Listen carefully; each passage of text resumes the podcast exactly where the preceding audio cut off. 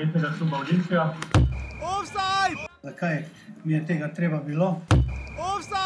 Odgovor je čisto enostaven. Izziv, to je prvo, trenirati državnega prvaka in to je veliko boljše, kot pa sedeti doma. Nama treba Marijan Pušnik. Bez obzira što je on otišao od nas, što smo mi možda bili krivi, I- Isti dan, ko ne bom samostojen pri svojem delu, me tudi več v Olimpiji ne bo. To ve in Ranko in predsednik.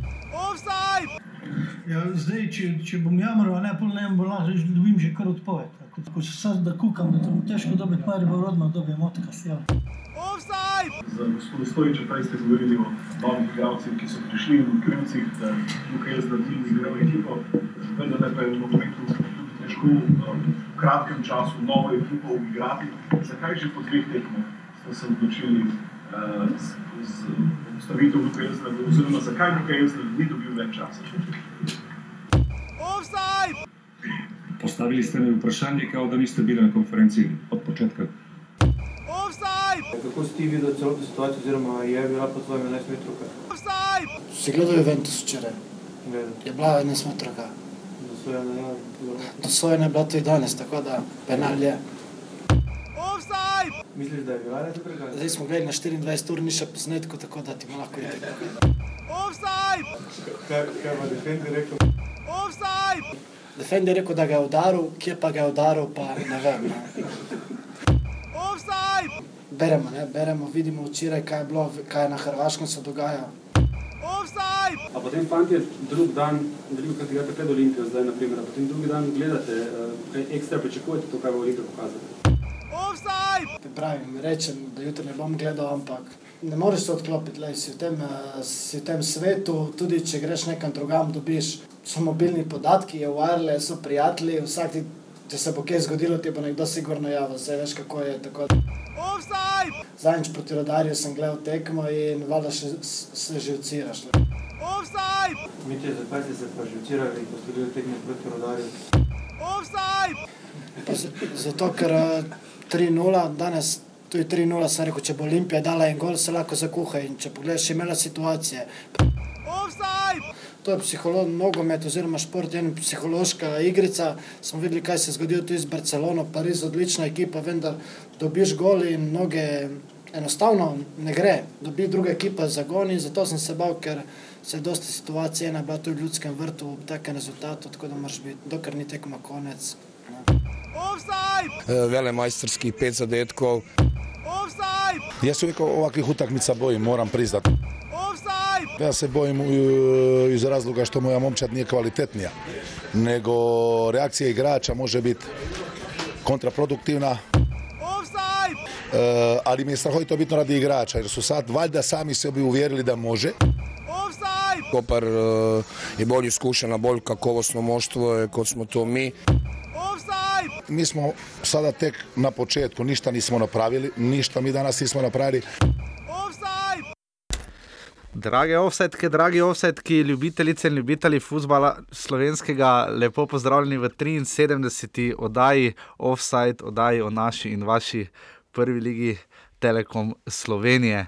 Uh, lepo pozdravljeni, uh, ne samo tisti trije, ki mislite, da poslušate. Smo zadnjič potem uh, napisali, da vas približno uh, od oka, sicer teh številk, kot pravim, že Tomič ne, bi tako javno razlagali, ampak ne vem, zakaj jih ne bi. Uh, vas približno 500, vas približno redno posluša tam od oka nekje, uh, ko pa se uh, žigi kosu. Zdravo. In uh, moji malenkosti pridruži se še Srečko Katanec, uh, pa se vas še vsaj potroji, tako da rekordna številka je bila tja uh, tudi krepko čez. Um, 2000. Uh, tako da to je to, najprej kar takoj, lepa hvala GTO 22, da nas tako lepo prijetno gostijo v najbolj futbalskem uh, placu uh, kulturne uh, namembnosti v Mariboru. Uh, Oddajo snemamo vsak ponedeljek. Uh, poslušate nas na iTunesih, tam lah, nam lahko date kakšno oceno ali karkoli, da bodo to še videli tudi drugi. Pa na SoundCloudu pišete nam na Facebook, pridno pa odgovarjajo na offsetafnorbani.si, če imate kakšne koli želje, pripombe, predloge, nam lahko pišete tam ali pa naj najdete oba uh, na Facebooku ali na Twitterju. Uh, tako da nič, uh, toliko se je zgodilo, da bo šla kar direkt uh, na glav, na vrat na nos v. Uh, dogajanje, ki ga res, res ni bilo malo. Um, pester teden, uh, še dolžni smo bili od prejšnjega kroga, še tekmo Marijo Gorica, Marijo je tekmo dobil, uh, ampak potem se je pa začela predvsem tista kolobocija v Ljubljani. Ne? Ampak Ljubljani so počakali najprej na tekmo Marijo, se mi zdi, da če bi. Mi, no, se ja, ja, so počakali. Jih tako bi menjali, verjetno. No, ampak, ja, uh, Pušnik pa Vanoli sta bila tudi na tekmi v Novi Gorici. V Novi Gorici. Ja. Pušnik je bil, ni bil na smučanju. Pušnik je bil. Ni bil na smučanju. Na smučanju je bil v sredo. Ok, dobro. Uh, okay, in skratka, uh, danes imamo dva zelo super gosta, že posneta, hvala obema, že kar naprej. Uh, prvi bo Andrej Milkovič uh, iz ekipe, ki je danes uh, ponovila naslovnico, tokrat brez vprašanja o junakih in bedakih, tako da boste malo lahko slišali njegovo razmišljanje o upetosti uh, in napetosti in kar je še tega v. v medijskem pokrivanju nogometa in pa dogajanju okrog Olimpije, ki je imela minuli teden res pestro tiskovno konferenco. Uh, potem pa še Jure Balkovec, uh, levi bočni uh, iz kluba, kjer je tovarna levih bočnih, uh, Erik Anža, Dejan Trakovski in tako naprej. Dobro, pa se tudi na desni niso bili nič slabši. Ja. Uh, tako da Jure Balkovec se vam bo tudi razgovoril, povedal bo, ali, ali je že kdaj postavljal sam živi zid ali ne. Uh, tako da res hvala obema. Uh, je nič, uh, Intra je bil malo malo daljši tokrat, kot ste ga vajeni, upam, da ne predolg, ampak res je bilo toliko štofa od Mite Vilerja do Ranka Stojiča, da uh, je težko, da ne bi tega uporabili. Tako da uh, nič, gremo zdaj kar na vrat na nos. Najprej na derbi, ki je bil seveda derbi Bljanske kotline, vključujoč rade, radeta, ra, radeta, zdaj bomo sklanjali tako pušnik Lukana, ne, uh, Obrenoviča. Uh, bil je zelo zanimiv derbi, uh, včeraj gremo kar tako na to. Uh, žiga, uh, v tem derbi je bilo več kot samo ena tekma tekma. To je še se zdelo, da je bil derbi, ki je dve leti nosil uh, neke posledice, derbi Ljubljanske kotline, moramo pripomniti. Kaj si ga ti videl, oziroma v ta teden uh, je. Se, verjetno se je kar čakalo na oddajo, tudi sam sem kar čakal, verjetno tudi sam. Kaj, kaj se je tebi podilo po mislih, ko si včeraj gledal tekmo Olimpije in žal? Ja, res je bil pester teden. Uh, že od srede zvečer se je to napovedovalo ko se je začelo govoriti o menjavi Elžnerja, potem se je četrtek to uresničilo, potem se pa je vedelo, da je to derbi, ki lahko pomeni tudi domžalčanom, veliko pomeni, da so se to zmago približali drugemu mestu. E, prav tako pa Olimpije, veliko pomeni po dveh e, kiksih, je to tekma, ki bi jo skoraj da že morali dobiti. E, Olimpija je edina, še brez točk, poleg Radomlja. Poleg Radomlja. Uh, kar se zadeva spomladanski del, v katerega so ekipe krenile kar malo drugače. Tu je Olimpija res izgubila uh, še dodatni vtis, nič ni samo umevno več v tej ligi. Ja. Uh, res, kar se tudi ne na zadnjem v Mariboru pokazalo, ker je Aluminij odigral res fenomenalen polčas. Uh, res ta teden smo videli res vse. Uh, že kar naprej moram povedati, res prosim, prosim, pojdite pogledat highlights tekme Kopra in Radomel, ker tako lepih golo dolgo ne boste videli. Klinc pa Suarez, pa Neymar, pa Liga prvakov. Ampak ok. Um, Sam si pripravil, uh, kako si ti si gledal tiskovno konferenco? Si Sem gledal, pogledal tisto eno uro. Tri četrt ure trajajoče tiskovno konferenco. Kako si ti videl, kaj, kaj se je tebi podilo po mislih, ko si to gledal? Meni se je, pač, jaz imam enostavno počutek, da bo stojič skočil ven in začel verbalno, predvsem, računavati z uh, vsemi po spisku. No. Tako se je meni, jaz sem bil ta vtisnjen. Ja, res so živčni se tudi več nima takšne podpor, podpore javnosti, vidi se jim, da, jih, da ta euforija po naslovu je že popustila.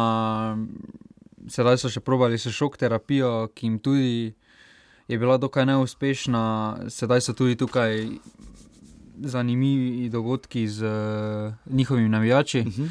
Tako da jih čaka kar veliko dela na vseh področjih. Uh, tudi vidi se, da niso več tako sigurni v to, kaj delajo, nimajo več te dolgoročne vizije. Tudi Mandarič je povedal, da za njega nima veze, če bo menjal še deset trenerjev, on hoče samo naslov, tako da ga zanimajo bolj kratkoročni cilji. Tako da se zdaj so karte so razkrili, pač Mandarič in Stojic sta povedala, kaj želita doseči, in preko tega doben dolgoročna zgodba jih ne zanima, tako kot sta na začetku napovedovala, mm -hmm. ko sta prevzela. Zdaj res zanima samo naslov. Uh, Si tu dobil kakršen koli občutek, da je Pušnik potres rezultatskim pritiskom, ne? zdaj, glede na napoved, kot si sam rekel, ne? do konca je še ostalo, niti ne več toliko 12 tekem, uh, 10 trenerjev, torej, mislim, tudi 2-0 je bil včeraj na tekmi, v Domžalah, to je zdaj že res rahlo komično, vse na nek način, mislim, nič narobe, da hvala ja. Bogu, da gospod 2-0 hodi po slovenskih igriščih, ampak um, tudi jaz sem dobil občutek, da, uh, da zdaj vsi vejo, da, da če ne bo rezultatov, adijo, ne? tam res vse hitro zamenjajo na začetek, ko daje sva pač Olimpijo uvrstila, predvsem zato, ker je aktualni prvak. In uh, boste slišali potem od Reja Milkoviča, kako je Maribor to lani doživljal, ampak kako se Olimpija obnaša, recimo napram lani, če bi ti primerjal, uh, obnaša, počuti v vlogi aktualnega favorita, recimo v primerjavi lani z Mariborom, ko je pač naslov spozel.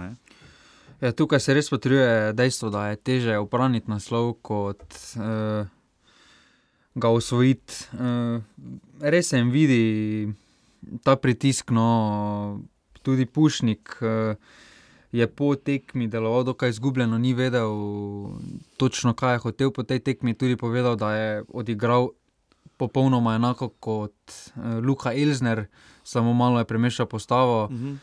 uh, tako da res, no, potem so še pri Olimpiji, se so, kot kaže, so se sami odločili. Da bo korona veter, kjer v obeji, da, bo, da, da bodo zdaj igrali. Da bodo zdaj igrali predvsem korona veter je tukaj dilema z Green Dragons. Uh mhm. -huh. Vseeno to, eh, to ne pliva pozitivno na ekipo, če skoraj da celo tekmo poslušajo. Eh, sočne iz tribune. Ja, to je, to je povedal tudi Marjan Pušnik, ampak malo si se poglobil. Da, pa povedati, ko je prišel uh, z Milanom Mandaričem, je prišel tudi Pušnik. Ja. Če se dobro spomnim, sta ona dva nekakšna paketa skupaj prišla. Uh, Pušnik je, Pušniku so takrat učitali uh, izpati iz pokala ne glede na to, da je bil jesenski prvak ja. za Olimpijo in je moral oditi.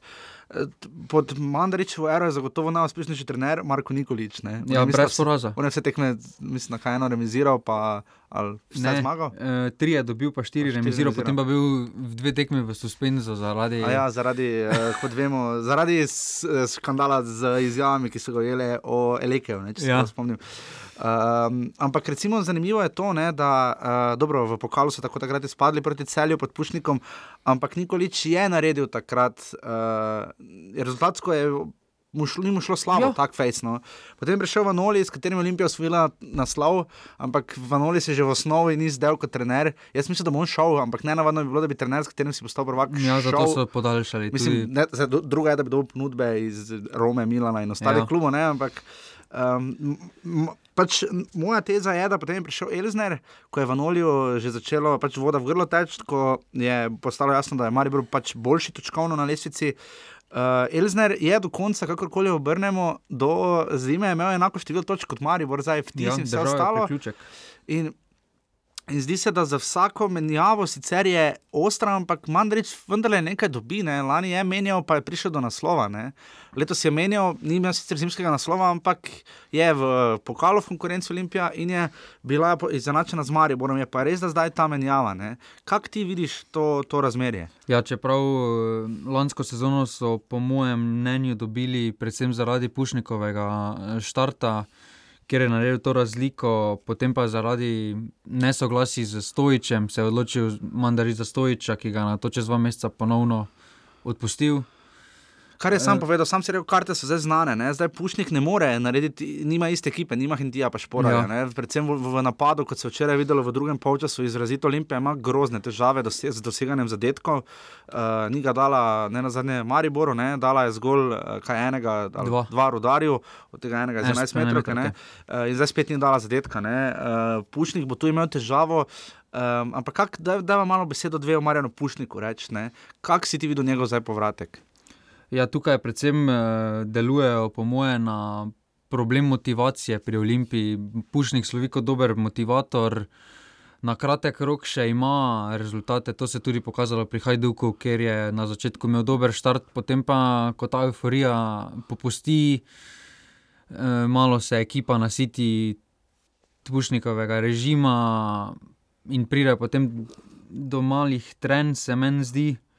In potem tudi rezultati, pa rezultatov več tukaj ni. Mhm. Tako Zdaj da potem se tudi pod pritiskom znajde. Videli, slišali smo lahko, uh, ko so včeraj uh, navijači izražali nezadovoljstvo, to je še milo rečeno, nad Rankom Stojčem, uh, so, uh, so bili enotni, Olimpija, Supporters in Dragonsi. Uh, pri koronavetru in še posebej se mi je zdelo pri Pušniku, pa ni bilo tako, zdaj pri koronavetru je res specifična situacija, um, se, ni, ki se nikoli ne zide tako, kot bi vsaj nekdo v tej enačbi rad, ker tu so trije v tej enačbi, ne, eh, navijači, koronaveter in pa klub. Ja. um, pri Pušniku, zakaj, zakaj največje Pušnika ne marajo? Eh. Rekli smo, da je klovn, ne? predvsem on je zdaj spet ob njego, na njegovo srajco nanesla beseda. Zakaj ti misliš, da ga tako ne marajo? Ne? Ja, tukaj se pojavi eh, razlika med navijači, ki, so, ki bolj podrobno spremljajo klub, ki so tudi malo peti v klub, imajo različne informacije, bolj podrobno spremljajo, in pa po drugi strani pa so navijači, ki samo spremljajo tekmo, pogledajo pa vidijo, da je Krona Veter jim lani prinesel naslov. In da dobro igral. In da ne? dobro igral. Danes Včeraj je dobro igral, ne? dobro tekmo imel. v Med bistvu je bil še- najboljšim je bil. V bistvu še edini nekaj kreiral in bil sposoben ja. neko akcijo narediti, je pa res, da potem je pa žoga do boja tega prišlo, pa je bilo hitro vsega konec. ne. Uh, Enako velja tudi za Pušnika. on Ja, ampak ena razlika se mi vendarle zdi. Kaj bi ti rekel, če primerjava Darka Milaniča, recimo prvo ero Milaničevo, ker je. Ker ga ljudski vrt evidentno ni sprejel, ne? on nikoli ni želel igrati všečnega nogometa, se je pa zdelo, da ga to vendarle malo tudi mori, čeprav je to sam večkrat v intervjujih, tudi kot sem jaz z njim intervju, zanikal. Pri Pušniku, Pušnik vedno, vedno podara to delo, delo, delo, delo. delo ne? um, misliš, da lahko kakorkoli obrne, ne, ne na zadnje čaka ga pokal, ne, tam v bistvu lahko nekaj vsaj čas, časti reši na ta način pri Olimpiji. Čeprav, kot je rekel Mitja Viler v soboto po tekmi, lani za pokalni naslov nismo šli na ploščat, ne, pač Ja. pokal je pokal, ni državno prvenstvo, vemo, zakaj smo tu. Misliš, da lahko Pušnik to obrne? Težko. Eh, Res težko, ker se sedaj, ko se še oduva, poškodoval, je res uh, pušni goji ta sistem igre, kjer potrebuje hitra krila za hiter prehod. Uh, Boateng pa je to na včerajšnji tekmi pokazal, da več kot očitno trenutno še ni to, kaj je bil Henti v pušnikovi eri za Olimpijo. Smo pa videli neke obrise podobne igre, kot jo je Pušnik gojil na zadnje pred 13 meseci. Ne? Ja, tukaj se je tudi malo poznalo, da se je koronaveter vrnil v postavo, malo bolj kreativni so bili v zadnjih 30 metrov. Domžal, vendar domžalčani so res dobro stali. In... Moja teza pač je, da sta Kirm in Grona veter pokazala, da sta za klaso boljša od vseh teh prišlekov. Mogoče krec, ampak krecu še nimate neke stabilnosti, malo se mi zdi, mu kondicija pojenja. Abasa, tokrat žal nismo videli. Uh, Tijanič je zelo prepozno, po mojem mnenju, vstopil uh, za Olimpijo, ker ima to neko dodatno potezo. Ampak misliš, da, misliš, da se tu ruši neko ravnovesje? Ne? Uh, Pušnik je večkrat povedal, da Rok Kronaveter je slovenski reprezentant, ne na zadnje odločijo tekmo Slovaško. Ne? To so tri prekleto dragocene točke za našo izbrano vrsto. Tudi Kirm je bil nekoč reprezentant. Ne? Misliš, da je s tem nekako stojču sporočil nekaj? Ne? To so se najverjetneje tudi skupaj odločili, da je sedaj potrebno osvojiti tri točke, tri točke in so. Ja, samo jih vključili, niso jih, samo so vključili vse možne, kaj so imeli. Vseeno sta Krona Veter in Kirm prejemala lepo plačo in sta sedela na, pla na tribuni, torej zakaj jih ne bi izkoristili. Smo včeraj videli najmočnejšo olimpijo, ki jo lahko sestavi v tem trenutku katerikoli trener. V tem trenutku, dokaj. Ja. Okay, Razen vprašanje Iliča, če je njegovo mesto v vezi. Zdaj, to, to nisem, to, tega morda nisva z Andrejem toliko obdelovala. Nekoliko nenavadno je, da je uh, dvoje, ne? da je Branko Ilič igral včeraj na sredini, ne? kot si sam zarekel. Ja. In da je bil kapetan postal. Postal je četrti kapetan. Četrti, ne, jaz, jaz, jaz ne vem, če sem prav preštel, zdaj, ker takrat je, ker Matič, Matič je bil v klubu, ko je Delameja. Matič je začel, potem je bil Mlinar, potem, potem je bil Vidmar. Vidmar, zdaj pa, okay, kar ni rekord, ne? včeraj ste mi, nekdo mi je na Twitterju včeraj napisal, da je Koper v tej sezoni imel že toliko, ko je tekel. Koper, ja, menjavo takrat eno sezono, da če tekme ja, niso zmagali, so, so menjali. So menjali kapetana, tako da to je ena izmed bizarnosti v slovenskem nogometu, ampak takšen kot je ga imamo tudi seveda neizmerno radi, kot ga ima seveda tudi Andrej Milkovič, novinar časnika ekipa, ki se vam bo zdaj razbrcal o um, tiskovni konferenci o, o dogajanju v Olimpiji, o načinu pokrivanja. Uh, ja, ja pač res je bila pestra tiskovka, ne? Res je bila, ja. Pa tudi izjave so bile krsočne, krsočne pa zanimive. zanimive ja. Tako da, če vam ni žal 45 minut. Definitivno boljše, kot prvi, kot prvi počas domžala. No. tak, no. Tako da, evo, zdaj pa sledijo, zdaj pa sledi, torej, zdaj pa brcal uh, posebej za vas, Andrej Milkovič. Jer ja, jer ja, ja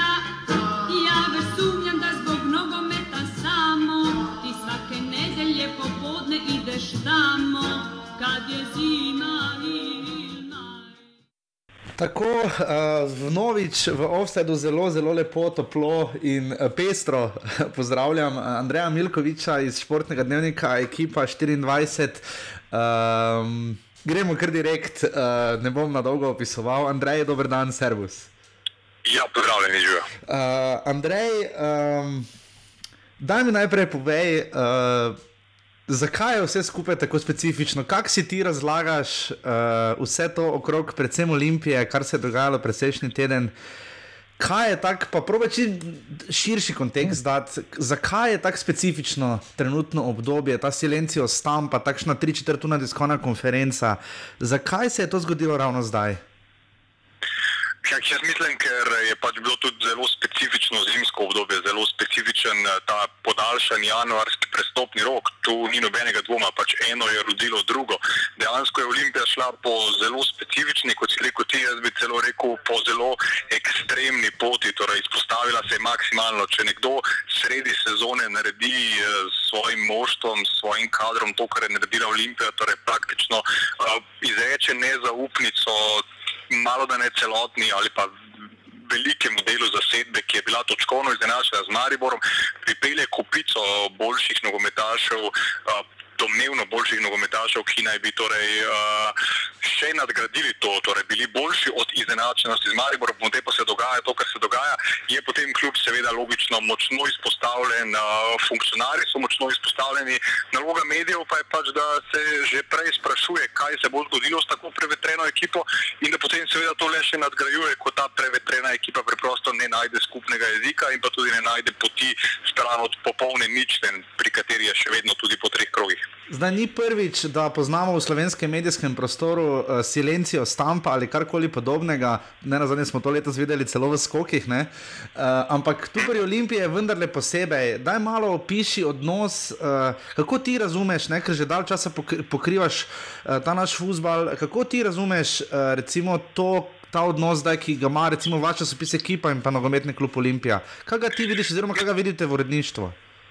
Mislim, takole, ne, jaz silencijo stampa dojemam drugače. Ne. Za me je ta silencijo stampa zadeva, ki izvira, torej, kot poveže izraz iz Italije, uh mhm. -huh. trenutek, ko se more klub zapreti sam vase in ko se zapre za medije, za vse medije, ne uh mhm. -huh. torej za uh, selekcijo medijev, za točno izbrane medije. Tako da to ni tipičen selekcijo stampa, silencijo stampa. Olimpija je na voljo, uh, mislim, da večini ali vsem ostalim slovenskim medijem, je pa kot oni temu pravijo, prekinila komunikacijo z časnikom, za katerega delam, po čisto preprosti odločitvi. Torej, moramo vedeti, da je do te prekinitve, ki je zdaj tako zelo obelodanjena, ker je bila pač poudarjena, še enkrat izrečena v posebnem prenosu, prišlo že relativno zgodaj. Torej, naj spomnim, pred prvo tekmo spomladanskega dela je Olimpija na svoji spletni strani objavila prekinitev komunikacije z Olimpijo in sicer zaradi uh, ekipinega niti še ne polemiziranja, ampak spraševanja sodelovanja. Torej, ravno takrat uh, smo naredili analizo prestopnega roka. Pri tako Mariboru kot Olimpiji, pri Mariboru govorili o tem, koliko in na kakšen način tvega, zaradi tega, ker praktično se ni dotaknil ekipe, in pa na drugi strani ugotovili, da je bila olimpijska dejavnost tako zelo ekstremna, da praktično ni druge možnosti, kot da bodo odgovorni popolni junaki ali pa popolni bedaki.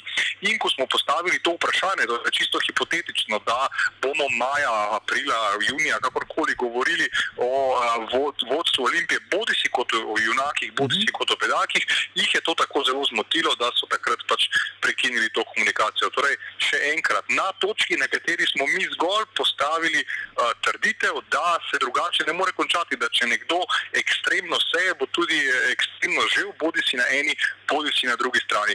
Uh, od tu je potem vse skupaj izhajalo, zdaj. Uh, Kako pa vse skupaj je videti po a, treh krogih in na katero stva, stran, možne, torej, katero stran možnih opcij se zadeva nagiba, to pa je presodil vsak sam. Andrej, zakaj sem dobil občutek, uh, da ker ni bilo prvič, da se je Milan Mandarič nad nekim uh, zunanjim mnenjem, pojavom nekih drugih mnen, ni več tega stoprocentnega simpatiziranja kot lani v Velenju ob osvojitvi naslova. Zakaj to njemu pride tu tako posebej do živega? Ne? Se ne na zadnje delo je v Angliji, kjer bi to, kar, kar, je, kar je bil tekst ekipe, ne bi bilo nič posebnega. To bi ne me razumeti na robe, ampak to ni res, to je zeh v primerjavi s tistim, kar počnejo tam ali v nekaterih drugih nogometnih državah. Uh, zakaj, je, zakaj sem dobil občutek, da bi na tiskovni konferenci uh, tako Mandarič kot še posebej Ranko Stojič se mi je zdelo, da se je naslanjal, kot da bo skočil ven iz stola? Ne? No, na eni strani nikakor ne razumem narobe, popolnoma mi je jasno, kaj objavljajo v Angliji, popolnoma mi je jasno, kaj objavljajo marsikaj in se zavedam, da tudi ko sem bil in ko smo bili najbolj ostri, smo bili pravzaprav mali otroci v primerjavi s tem, kar je, recimo, je moral prenašati Roy Hodgson, ko so se odkrito norčevali iz njegove govorne napake, kar je pač za me nedopustno in dejansko čez mejo, ali pa marsikdo drug. Tako da to absolutno razumem in se absolutno s tabo strinjam. Na drugi strani pa je ravno to tudi za me, se pravi, postavil si mi vprašanje, ki si ga postavljam tudi sam in težko odgovorim na, uh -huh. lahko ga samo še podkrepim. Torej, tudi sam se sprašujem, kako in zakaj je mogoče, da se torej Mandarič obnaša tako kot se, ko pa bi vendarle tega moral biti vajen in ko bi mu vendarle to moralo biti nekaj normalnega, torej v resnici se mu ni zgodilo nič takega. Zakaj je to tako zelo prizadelo, zakaj ga to tako uh, zelo moti, zakaj so reakcije tako ekstremne. Uh, možnosti je več, o nekaterih niti ne bi špekuliral, najbolj pa se mi zdi morda verjetno, da sta tako Mandarič kot Storič bodi si podcenila slovensko okolje ali pa zgor v njem nastopata tako kot da kdo si pa le drzne tukaj v tej uh, Vuko jebini recimo temu, uh -huh. torej postavljati pod vprašaj karkoli mi dva to narediva, kdo si drzne karkoli reči, ko pa sva mi dva prišla iz uh, večjih okolij, tu bi morali zgolj biti tiho in uh, uživati v tem, kar počneva. No, mislim, da vendarle ni tako. Slovenija se je pokazala kot uh, nogometna država, kot kritična država, kot država, ki enostavno ne kupi uh, vsega, kar ji postrežeš, zapakirano v niti ne tako lep celofan. Kako se zdaj počutiš, recimo, Andrej, kot novinar v tem smislu? Gremo tudi, se tu dogajajo neki novi trendi. Ne? Spomnimo ne na zadnje lansko sezono. Ne? Zlatko Zahovič je Dejana Mitroviča vprašal, če ste vi z ekipe, ne? kar verjetno evidentno ve. Ne? On je rekel sicer, da tega ne bere, kar je sicer bolj malo verjetno. Ampak vendar, recimo, Darko Milanič je rekel, da ne bo odgovarjal vašemu novinarju na vprašanje. Uh, po drugi strani ne, se zdi, da če primerjamo način, ki ga ustvarjamo novinarji, bodi si na privat profilih, bodi si službeno, bodi si v naših tiskovinah ali oddajah, ne, je, vendarle, je vendarle eufemizem za tisto, kar počnejo recimo anonimni komentatorji, navijači, recimo to, kar smo ne na zadnje lahko včeraj poslušali o domžalah med tekmo. Kaj ti kot novinar zdaj to dojemaš? Smo mi nekak predstavniki te anonimne širše mase, v nas vidijo problem, kako kak, kak si sam to razlagaš?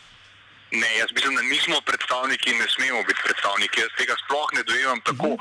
Seveda zaradi te moderne dobe, uh, vse prisotnosti vseh mogočih komunikacij, kjer imajo besedo vsi in kjer lahko vsi povejo svoje mnenje kar mi morda ni všeč, ampak ne morem pa imeti uh, na drugi strani nič proti temu. Torej, imeti mnenje, izražati mnenje že dolgo ni privilegij, izražajo vsi in tu smo mi pač nekako potem postanemo, sploh v kakšnih spletnih debatah ali pa v debatah pod naše članke, je videti, kot da smo enakovreden del tega. Jaz vendarle uh, mislim, da nismo, da ne smemo biti in tudi pač uh, navijači ali pa javnost, ki nas imajo za enakovreden del, mislim, da se zelo, zelo motijo. Uh, najbolj tako je paušalno in enostavno je reči, aha, Milkovič je v manj kot tudi ni uspel biti persona non grata tako v ljudskem vrtu kot uh, v Stožicah, torej se obrača po vetru ali pa torej počne nekaj, kjer mu dajo več in tako naprej. Torej, to se mi zdi tako zelo otroče, pošaljna reakcija. Jaz vendarle vidim uh, moje, svoje, naše delo uh, kot.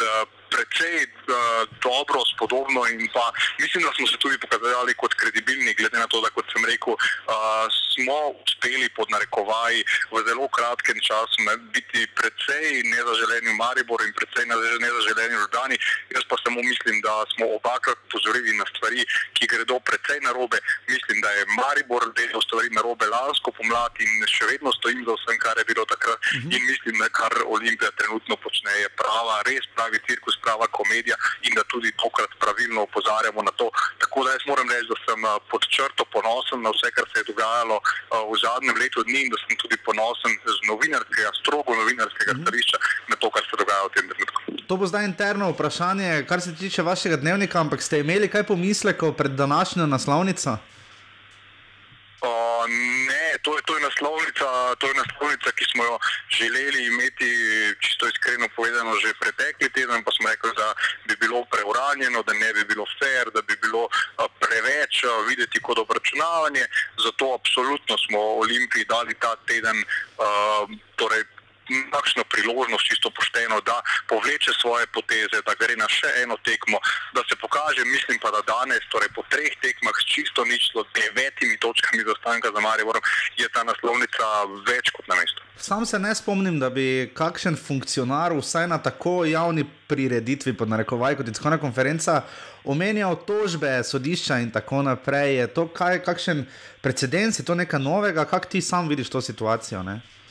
Jaz se tudi ne spomnim tega, zdaj mislim, ne bom rekel, da je bilo čisto neposredno to uh -huh. uh, omenjeno na tiskovni konferenci, je pa bilo zelo jasno nakazano. Jaz torej se tega, kot sem rekel, ne spomnim. Mislim pa, da to spada v tisti paket, o katerem smo se prej pogovarjali, torej v paketu strahovanja v nekem okolju, kjer uh, naj bi delovali kot uh, jim menda v, svoj, v svojih krogih mandarič, reče torej skupinica amaterjev, ki jih je zlahka obvladovati. Mislim, da je ta poskus poskusu strahovanja, torej del tega in seveda. Gospod Mandarič je dobrodošel, da povleče kakršne koli želi poteze, ampak mislim, da se mu je zgodilo tako, tako zelo, zelo malo, da uh, si ne znam predstavljati, da bi kakršna koli resna težava lahko nastala iz tega za avtorja povsem uh, spodobnega, malce ostrejšega, malce bolj kritičnega zapisa, zapisa, kakršnih je v resnih tujih medijih uh, ogromno, ogromno in mislim, da kjerkoli v tujini bi slišali, da se kdorkoli spogleduje z kakršnimi koli pravnimi koraki na temu tega pisa, bi zgolj uh, debelo pogledali. Andrej, v svojih kolumnah znaš zelo široko zastaviti zgodovinsko, časovno, poetično, kakorkoli. Meni se je utrnila tu misel, da ima zdaj, da ima ta Ranko Stojč in Milan Mandarič trenutno rahlo, predvsem Mandarič, morda ameriški sindrom, ne umika iz Vietnama in ostalih von, vojn, ne, kjer se je bilo težko omakniti. Kaj zdaj sam pričakuješ, kako kak vidiš trenutno situacijo, predvsem pa iz vidika na, na splošno na slovenski nogomet. Trenutno se zdi Olimpija v zelo nezavedljivi situaciji, s presežkom igralcev, eni se vračajo, eni grejo na klop. Kaj zdaj vidiš ja. kako se bo to razpletalo? Ne? Ker če ne na zadnje vidim, lani ne na koncu, ne se Darko Milanič dal zelo pošten intervju za ekipo, pa, pa, pa se je dalo iti naprej pri Olimpiji, se pa trenutno to ne zdi neka kontinu, kontinuirana zgodba. Kaj ti misliš? Te bomo videli, zaenkrat je še zelo malo časa minilo, Maribor je tudi rabo kar nekaj časa, da, je, da so se pač stvari pomirile. Jaz jezo razumem, jaz, jaz sem razumel vse, kar se je dogajalo v Mariboru in tudi razumem, vse pa Maribor na koncu pokazal. Zdaj, če potegnemo črto, kaj se mu je vse dogajalo, da se je izkazal za izjemno gospodski klub, ki je vse skupaj znal požreti precej bolj elegantno in precej bolj gospodsko, pa tudi potem iti naprej. Bomo pa videli, no, Olimpija je zelo hitro se zagnala zelo hitro reagirala, no, vsaj ne ona kot klub, ampak njeni najbolj izpostavljeni predstavniki, zdaj pa vendarle dajmo čas v čas. Kar zadeva mene osebno, jaz uh, bom delal naprej, kot da se ne bi nič zgodilo, kajti v resnici se tudi še ni. No, to uh -huh. moramo še enkrat povdariti. Uh -huh. torej, gre zgolj za besede, gre zgolj za neke. Yeah. Uh, indirektne napovedi, torej jaz bom delal normalno naprej, kot če bi imel fantastične odnose z Olimpijo, kot če bi imel fantastične odnose z vsemi. Zanima me samo to, kaj se dogaja, zanima me, kako jaz na to gledam, zanima me, kako jaz to vrednotim. Uh, kljub temu, da seveda človeška nota je vedno prisotna, jo bom skušal zminimalizirati in delovati tako, kot bi deloval v kakršnih koli razmerah. Kar pa zadeva moje mnenje, kaj se bo dogajalo v slovenskem nogometu. Uh, veliko krat sem podaril, pa vem, da ogromna skupina ljudi, ki me na tak ali drugačen način spremlja, tega ne verjame. Torej, na srečo svojo sem odnegdaj že popolnoma neutralen, kar zadeva uh -huh. dvoboj Olimpije in Maribora. Res vem, da je to težko verjeti, ampak uh, Absolutno imam čustva v športu, ampak ča, ta čustva so povsem nekje drugo. Uh, kar zadeva Olimpija, Maribor, uh, 50-50, nič, nič, 100-100, kako želite. Torej, popolnoma neutralen. Uh, ne, ne skrivam nikoli, da iz poklicnega vidika mi je všeč, kadar so stvari tesne, kadar so stvari negotove, kadar se veliko govori, kadar se prag dviguje na eni in na drugi strani. Tako da devet točk prednosti in če se bo to še povečalo, Maribora, seveda ni dobro za posel, seveda ni dobro za. To za dogajanje v slovenskem nogometu to pomladi, jaz si želim napetosti, želim si negotovosti do konca, tako kot smo videli v lanski sezoni. Ampak, če si Maribor to prisluži in če si Olimpija to prisluži, potem klobuk dol pred enimi in pa obsojanje drugih, tako kot bi bilo, če bi bilo obratno, torej tudi to obrnjeno na glavo. Andrej, govoril si o čustvih, teh je včeraj bilo v Domžalah kar nekaj, morda mi to še razloži. Kar se tiče Olimpije, včeraj navijači niso bili enotni. Ne? Marjan Pušnik je vtaknil ekipo v Beja, Kirma in krona, predvsem Krona Vetra, ki na zadnje niso kaj veliko igrali ali pa sploh ne. Na tribunah je to bilo med Olimpijo, Supporters in Green Dragons ločeno. Kak si sam ti to razlagaš, mene to delno spominja malo na Dinamo? Ne? Jaz uh, moram tako reči, ne. jaz sem vedno imel velike, velike težave z razumevanjem navijaške mm -hmm. folklore, z razumevanjem navijaške subkulture. Uh, imel sem lani težave z nekaterimi dogodki v Mariboru, imam zdaj uh, težave z dogodki v Ljubljani, pa predvsem torej z razumevanjem. Zelo, zelo težko uh -huh. se poistovetim uh, s temi ljudmi, tudi težko analiziram navijaške dogodke. Torej sem uh, nogometni novinar, ki rad analizira dogajanje na igrišču, ki rad analizira uh, razplete, tekem, interpretacije, delovanje klubov. Zelo, zelo težko pa torej, kakšni so interesi navijačev, kako funkcionirajo. Uh, Dokot in odkot in kako sega navijaški ponos, kje so ti principi, ki jih navijači postavljajo to so mi res težko razumljive stvari, zato tudi zelo težko o njih sodim. Tudi meni, absolutno. In Marjan Pušnik je povdaril, da sta Andraš Kirm in Rok Krona Veter slovenska reprezentanta, ne? dobro, Kirm trenutno malo manj, vse v zadnjem času, ja. ampak vseeno. Um, S tem je malo tudi dal neki kompliment, se zdi srečo Katancu. Je lahko srečo Katanec trenutno uh, neki rešitelj ali pa preusmeritelj pozornosti iz tega, kar se dogaja v Olimpiji, nekam drugam. Ne, ne na zadnje v četrtek, kot si mi rekel pred začetkom intervjuja, bo znan spisek reprezentantov za tekmo s Škotsko. Lahko tu Katanec naredi neko medijsko diverzijo. Ja, mislim, da mu to ta teden še ne bo uspelo, ne glede na seznam, kajti bomo pa hotel ali ne hotel uspelo potem naslednji teden, ko bo seveda uh, klubski nogomet miroval, ko bo en vikend uh, povsem prost, torej gostovanje na škotskem ravno ob koncu tedna, to pomeni pa povsem uh, klubskega nogometa prosta tedna, takrat se bo vse skupaj malo preusmerilo na reprezentanco, logično, vseeno pa ta četrtek mislim, da bomo pa še vedno pogledovali torej proti naslednji tekmi Maribora, predvsem pa proti gostovanju uh, Kopra v Stožicah. Uh -huh. uh, to bo ne samo, da prihaja zelo dober Koper uh, na noge, torej trenutno zelo slabi Olimpiji, ampak seveda so tu še neka druga vprašanja, neki drugi interesi vodstva obeh klubov, ki bi znali biti še kako zanimivi. Uh, Srečo, Katalec pa ne pomeni, da bo imel nezanimivo tiskovno konferenco četrtek. Osebno me zanima kar nekaj vprašanj, predvsem recimo uh, en zelo vroč mariborski dvojec v tem trenutku uh -huh. vidim in prav uh, zanima me, kako nam gleda Srečo Katalec in uh, na kakšen način bo pokomentiral bodi si vključitev teh dveh nogometašov, reprezentantov, bodi si uh, njuno opuščanje doma. Andrej, to mi še povej, uh, sam si zelo produktiven, ogromno pišeš, ogromno delaš. Uh, se v zadnjem času, vse ti dogodki, kakorkoli odražajo na novinarstvu na način, kot pokrivamo. Imáš to sam kakšne občutke, se je kaj spremenilo v zadnjih letih, dveh, treh, petih, recimo, ali pa odkar si začel, da mogoče še malo poslušalcem razložiš uh, pri svojem delu. Si opazil, kakšne spremembe je, kaj drugače je, kaj novo je, kaj sveže. Kak, kako je to tvoje mnenje? Seveda, seveda je prišel do določenih sprememb. Jaz mislim, da nekako tisti novinari malih, ki si lahko privoščijo torej biti to, kar so bili pred 15 ali 20 leti, torej da spišejo ta svoja. Uh, analitična besedila, interpretativna za tiskano izdajo in je za nje to to. Torej, sam nisem v položaju, ko bi si lahko to privoščil. Torej, delati je treba marsikaj, tudi na vse zadnje v realnem času, kot temu rečejo. Torej, sproti ja. objavljati na spletu, sproti komunicirati z odjemalci, ki imajo prav tako svoje mnenje. Tako da mislim, da mora uh, vsak uh, novinar nekako sploh v Sloveniji, kjer je trg tako majhen, se iti nekakšnega Dexterja ali kdo je že bil tisti, ki je bil po dnevi eno in po noči drugo. Torej, eh, treba je biti hkrati analitičen, interpretativen novinar, ustrajati pri tistih svojih tekstih, ki so najpomembnejši, na drugi strani pa tudi ljudem ponuditi nekaj sproti, eh, nekaj eh, v realnem času, nekaj kosti za gledanje, za debato, za na vse zadnje nabiranje klikov, vse vsi delamo tudi za to. Res je, upam, da boš še naprej takšen kot si, Andrej. Uh, hvala, da si bil vnovič naš gost uh, in upamo na čim bolj še naprej pester uh, slovenski futbalni. Ja, to pa je, mislim, da v interesu vseh, ki imamo od nogometa karkoli. Torej, jaz sem tudi navijam za pestrost, tudi sam. Absolutno. Andrej, hvala, uživaj, srečno. Z veseljem, lepo zdrav.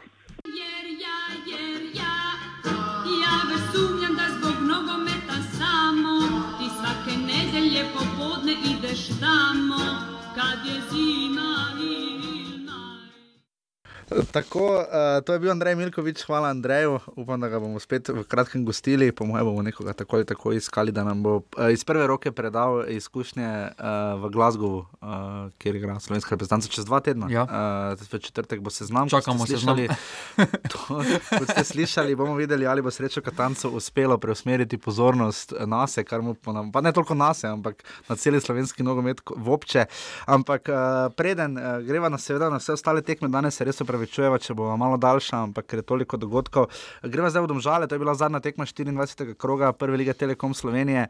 Um, zbralo se je nekje med 2500 in 3500 gledalci eh, pri Domžalah. Številke nihajo. Številke nihajo, malo nenavadno, ker pač 4100 je uradna kapaciteta, Ja. ampak mislim, da to velja za tisto glavno tribuno, ker so pa odprli še to na tej strani, kjer smo ponavadi novinari, pa so prišteli še ostale gledalce. V vsakem primeru res je bilo res nabito. Prvič so ga razprodali, Prvič so ga razprodali, kar je malo nenavadno, glede na to, da so bili dvakrat prvaki, ne, torej niti ko sem videl Ja. zadnjo tekmo v Sloveniji. Zdaj je bilo proti Študgartu, mislim, da je Ja, verjetno, v ja. Evropi.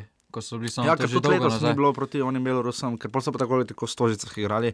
Tako da tisto, tisto bo verjetno ostal njihov najboljši obisk, ne, 7-8 tisoč ljudi, koliko je bilo. nekje. na pol polne skoraj so, ja. Uh, tako da ja, uh, domžalčani so pod Simonom Rožmanom dali hiter zadetek, Jan Repa se tam uh, izrazito vrgel iz ritma, tako Bajriča kot Štigleca. Uh, kako je tvoje mnenje o Štiglecu, to mi še povej? Pa soliden, ni pa doben presežek. Ni pa presežek, ne? ne. ne ja. ja, se najdejo tudi marsikateri boljši slovenski mm. igralci. Ja, uh, ker je tam res. eh, To je v bistvu vse to je bila ena, lep, ena redkih priložnosti, domžalna, se je bila. Ja. Sam si preštel malo o faulih, povej. No. Ja, res je bila groba, ni bila tako groba tekma, kot je bila vsakršen poskus. So prekinili takoj s prekrškom, skupaj je bilo skoraj 50 prekrškov, kar je za eno tekmo. Brez preveč. Ja. Res preveč, tudi zelenica ni. Ja, to, to pozitivno povedati. vplivala na, Eh, na Rok- igro. Rok Grilec iz Šport TV je dobro povedal na Twitterju, ko sem pač napisal, da ona, eh, tam, ko je pika za penal, ne, na obeh je bilo. straneh, eh, mislim, je taka plata zemlje je bilo in je izgledalo zelo podobno kot pri bejzbolu. Preverite si komentar Roka Grilca, ne bom ga povedal, kaj je rekel. Rečemo samo, da se bejzbol igralci preveč cenijo, da bi šli na, kaj tak- nasploh jim vidimo tudi v Kopru pred golom so velike težave. Ja, Trenutno se ljudski vrt so- še najbolj drži, ampak je tudi igrišče strahovito neravno. Janžekovič je žoga skoraj spet tako kot V Novi. Gorici je bila res je bilo solidno. Ja, potem, ko v soboto ni bilo tekme. Ja. Ja. da, v Krškem se še koliko toliko dobro drži, trenutno edino zelenica, za razliko od vsega drugega. Ampak ja, zelenice so res slabe v tem trenutku. V, pa, kar je čudno, ker še ni tako toplo, tekme so ni tako grozno toplo, da bi bila zemlja tako grozno mehka. Ja. Bolje je, da so res um, težave, trava očitno ne, nazaj nekako ne zraste, oziroma jo pustijo čez zimo v slabem stanju. No. Ja, Tukaj se vidi tudi, da jim redko menjavajo. Ja, ker je pred potem- golom tako potacano, pred Ja. ja. obema goloma, da je kar, eh, tam bilo kar nekaj težav, tam spomnimo se. Sej, ne na zadnje je v prejšnjem krogu Blažič Ja. ja. žogo nabil v gol. Tukaj ne. krpajo samo travo, ja. Ja. medtem ko tujini menjavajo na sezono, ja. Ja. menjajo Ja. travo. Ja. Uh, zdaj, domžalčani so dali tisti zadetek in se potem. Malo sem se bal tekme z rudarjem, ki so jo imeli, ne? uh, ker so imeli pobudo, vodili so 1-0, pa na koncu odnesli 1 proti 1. V drugem času se je Olimpija sestavila, bilo je boljše, tudi Pušnik je priznal, da je prvi čas bil slab. Uh, Kak si ti videl to preobrazbo Olimpija? Sej to je dobro rekel Pušnik. Ne moreš reči, da se niso borili. Ne? Ja.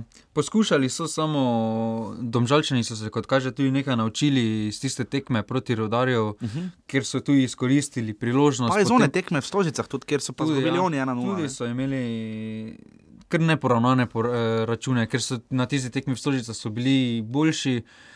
Vendar je Olimpija zadela iz ene priložnosti, sedaj pa so uh -huh. oni zadeli iz ene priložnosti in so to vrnili. Zakaj so tekme Maribor domžale tako igrive, spektakularne, eurogoli, p- prodori, preboji, tekme Olimpije v domžale pa živi masaker? Ne?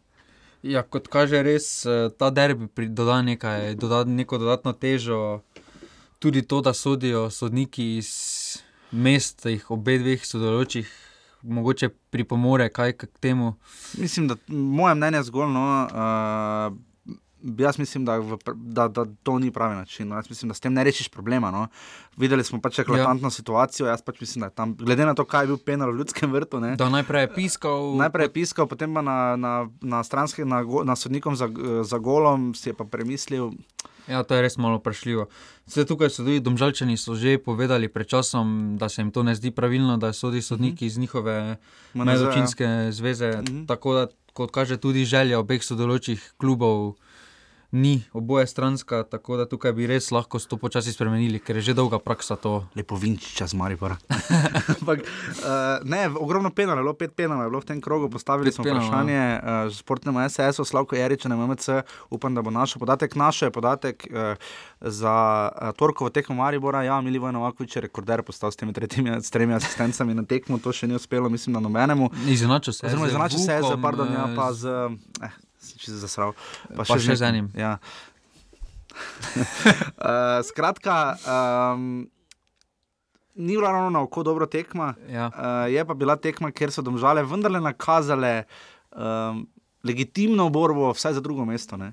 Ja, tukaj sem šel malo pogledat uh, zadnjih šest tekem domžal. Uh, Ker so premagali tako Maribor in Olimpijo, uh mhm. -huh. vendar so izgubili proti Radomljam in Kopru. Naprimer, tako da uh, tukaj se res pozna, da se, kot kaže, znajo motivirati in pripraviti na teže nasprotnike, ki so boljši po pravilu, oziroma na papirju vsaj.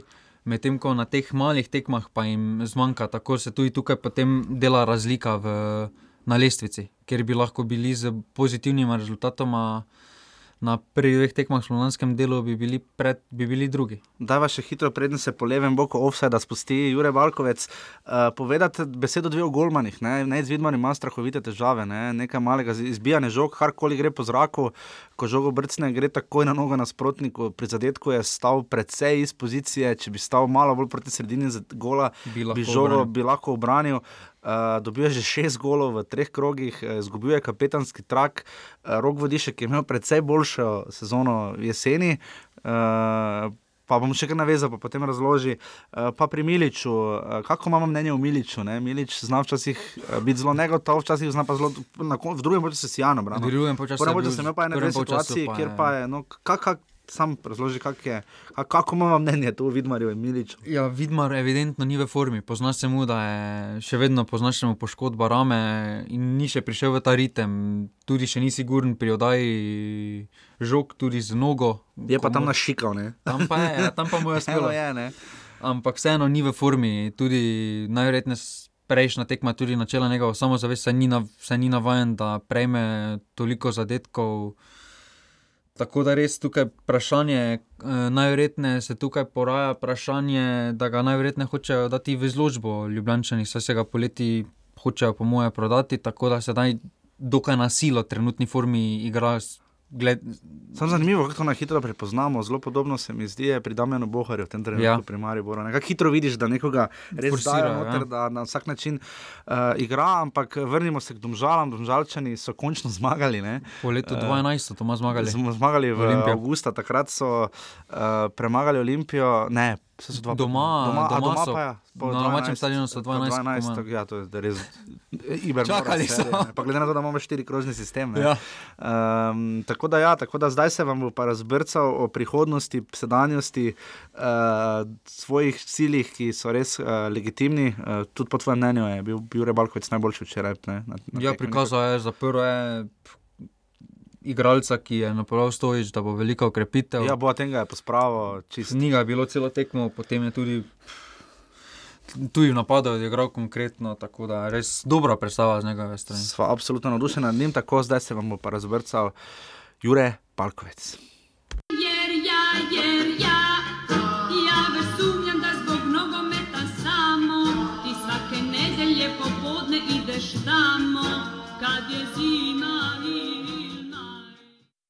Tako zelo veliko čas nam je, da gostimo uh, Jureta Balkoca iz nogometnega kluba Domžale. Uh, mladeniča, še vedno, koliko toliko, uh, ki je uh, včeraj uh, imel kar precej dela in to zelo uspešnega dela, in je, kot boste lahko slišali, kar precej nasmejane volje. Jure, uh, dober dan, lepo pozdravljeni v podkastu Offside. Dobar dan, lepo pozdravljeni. Uh, Jure, uh, kako, vi, kako ste vi sami videli včerajšnjo tekmo, oziroma vas bom direktno vprašal, glede na to, da se je še januarja uh, govorilo, da se za vas precej zanima Olimpija. Verjetno je včeraj bilo boljše nositi uh, rumeni drezdom žal, kot pa zelenega oziroma črnega od Olimpije. Ja, sigurno. E, prvi vrsti zaradi rezultata, ampak. E, tudi, če sem čisto iskren, sem na tisti januarski prestopni rok že pozabil in Um, seveda, z najlepšim veseljem igram v rumenem dresu. Uh, Jure, uh, kaj je bil ključ do uspeha, razen uh, hitrega, uh, dinamičnega zadetka, uh, ki, ki, ga, ki ste ga dosegli? Uh, kaj je bil včeraj ključ? Olimpija vas je kar dosti stiskala, uh, Tomaš Lukač je v prenosu večkrat rekel, da sta Andraš Kirm in pa Boateng zamenjala uh, vsak svojo stran, ampak vas to ni zmedlo, predvsem Boatengu, potem po de njegovi desni, vaši levi nikakor ni šlo. Kaj je včeraj odločilo, zakaj so včeraj domžale končno premagali Olimpijo?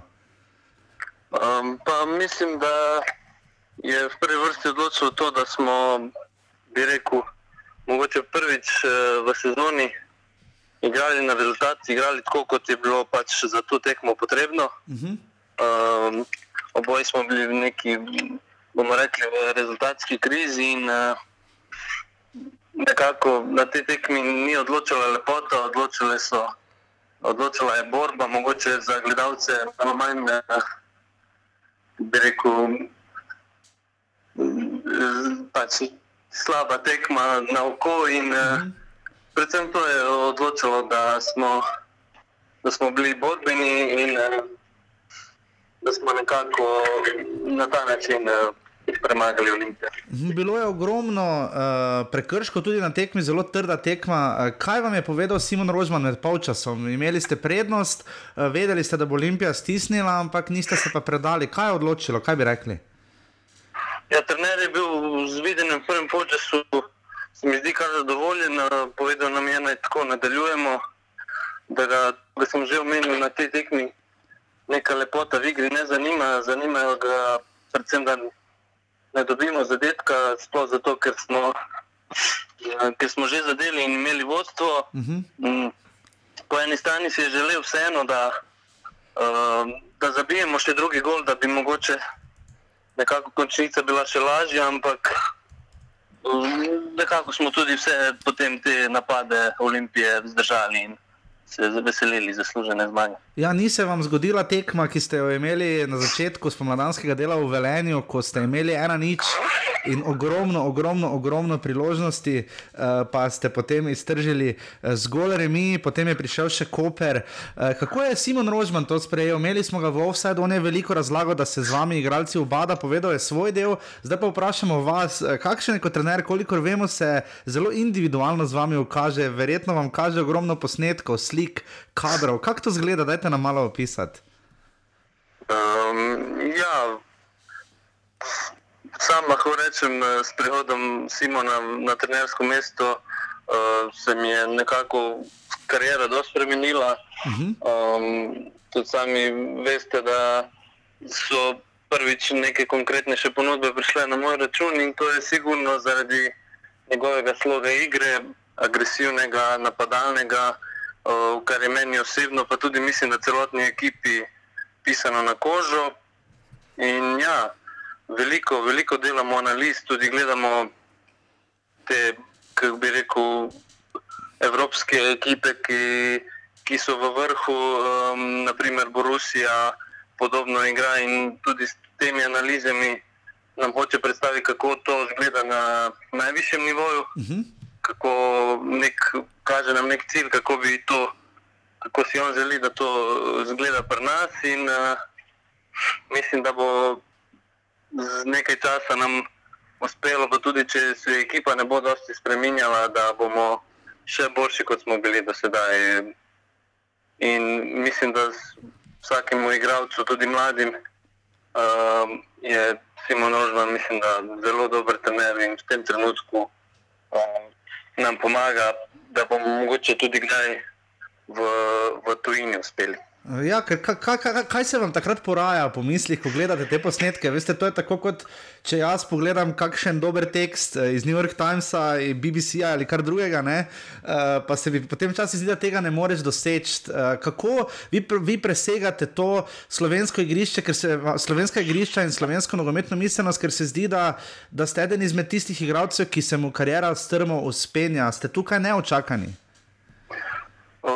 Ne, jaz sem, mislim, da tudi v vseh intervjujih, ki sem imel, sem mm. vedno povdarjal, da uh, se s pristopom nekako ne obremenjujem, da vedno bom čakal, da se klubi dogovorijo med sabo.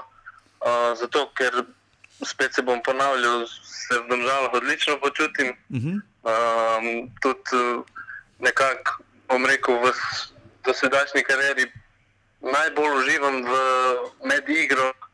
Um, tako da enostavno, ko bo prišel čas za prestop, bo prišel in uh, s tem se tudi nekako konstantnost v, v tekmah uh, ne spremeni. Če začneš razmišljati, joj, kdaj bom šel, kdaj bom, kdaj bom prestopil, se ti lahko zgodi padec in to je v tem trenutku lahko najhujše. Mhm, Jure, morda če lahko to pojasnite, zdaj eh, ob, eh, v Domžalah sta padla tako Maribor kot Olimpija, zdaj na zadnje, zdaj to je neka počasi, pa vendarle. Napoved, da bi lahko posegli vsaj v boj za drugo mesto, zdaj ste Olimpiji precej blizu. Kako vi vidite to, to nekako duopol, ki ga imata Maribor in Olimpija? Se, Olimpija se lahko tudi domžale kakorkoli priključijo? Ja, jaz bi nekako povzel besede trenerja, ki nas vsak teden opozarja, da, da ni dobro gledati na lestvico. Uh mhm. -huh.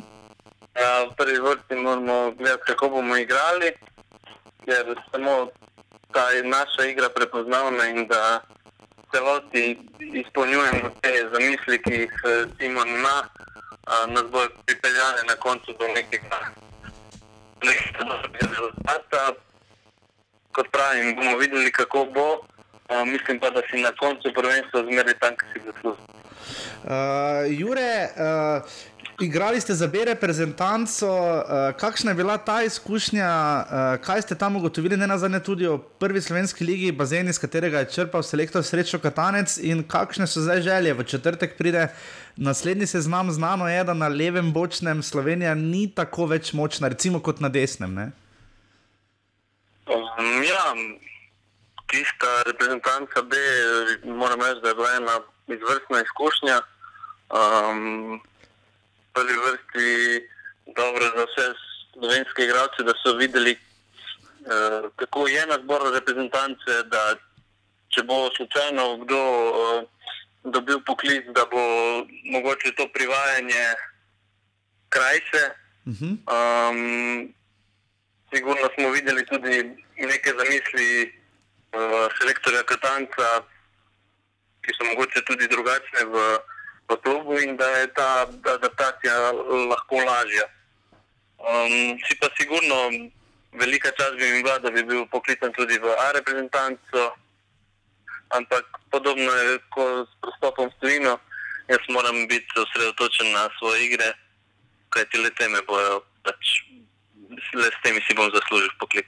Imate sami občutek, ali ste kadarkoli v karieri že pri Beli krajini, pa potem, ko ste prišli v Domžale, ko je bil tudi eh, Trajkovski, pa dobro, že predtem Erik Janžak, ki je potem šel v Mariboru, uh, levi pa desni bek, je kakšna razlika, je večja konkurenca na levi ali na desni strani, nasploh, kaj bi rekli, kje smo slovenci močnejši, če recimo velja pregovorno, da smo trenutno predvsem golman, uh, narod golmanov. Um, ja, kot bom rekel, slišim od vseh, ki se ukvarjajo z nogometom, je nekako odmeraj bilo, da, da so bili levičari bolj iskani, ker nas je tudi mogoče manj. Zato, uh mhm. -huh. zato tudi pride mogoče do tega, da v nekem momentu levih bočnih ni. Tako da bi rekel, da je mogoče konkurenca manjša, ampak če pa pogledam v tem trenutku. Uh, niti ni, niti ni tako slaba konkurenca, oziroma uh, z Janžo Trajkovskim in tudi ne na zadnje z Sikoškom. Uh -huh. Mislim, da imam uh, zelo dobro konkurenco na tem položaju. Lep kompliment. Jure, morda ne moremo mimo tega, mimo vaših prostih strelov, uh, ti so res specifični. Uh, zdi se še vedno, da vas vratarji ne poznajo najboljše, kam boste točno pomerili. Je to morda zato, ker vi boljše poznate njih? Recimo Handanoviča ste zelo dobro enkrat že nagnili na finto, kot bi rekli tukaj v Mariboru. ja, um, če sem čisto iskren, nekih analiz Golmanov uh, niti ne delam, uh, zato ker je v bistvu tudi težko nekako analizirati. Jaz se v tistem trenutku pogledam Golmana in se odločim, mogoče glede na postavitev, uh, kam bom streljal takrat proti Mariboru se mi je zdelo, da je Handanovič se postavil tako, kot da je pričakoval center šut, eh, oziroma predložek. Tako da sem se na podlagi tega v tistem trenutku odločil, da, da, da bi strel na gol prišel preko zida, da bi lahko šla v gol. Um, isto je bilo proti Velenju, recimo sem videl, da svoj kot, eh, bi rekel, njegov kot ni pokril dobro in sem se odločil, da bom tisti kot streljal. Tako da to je neka spontanost v tistem trenutku odločitev. Ker ste vse večji specialist za proste strele, vi sami ste že kdaj, oziroma bi znali postaviti živi zid, če bi bili golman? U, to pa težko rečem. Mislim, da so golmani še zmeraj boljši v tem.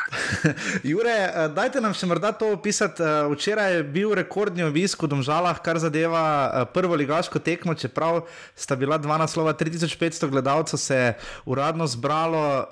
Kako kak ste vi to videli, oziroma kaj ste delali po tekmi, kako je danes recimo iti po Domžalah, po treningu? Je kaj drugače? Se čuti vendarle tu nek mestni ponos, okolje? Kako bi ga vi opisali? Uh, ja, sigurno v prvi vrsti bi rekel, da, da je lažje igrati na tekmo, ko je stadion poln. Uh, sigurno lahko daš še tisti atom več, uh, ki ga mogoče pred praznimi tribunami ne najdeš. Uh, mislim, da so nekako v domžalah uh, gledalci, tisti, ki so na vsaki tekmi začutili, da. da da igramo všečen nogomet, uh, mogoče včeraj, ko sem že rekel, je bila specifična tekma, tega ni bilo, ampak uh, sigurno bo na naslednjih tekmah uh, spet isto. Um, upam, da smo jih prepričali predvsem s tem, da je na naših tekmah veliko zadetkov in da veliko priložnosti.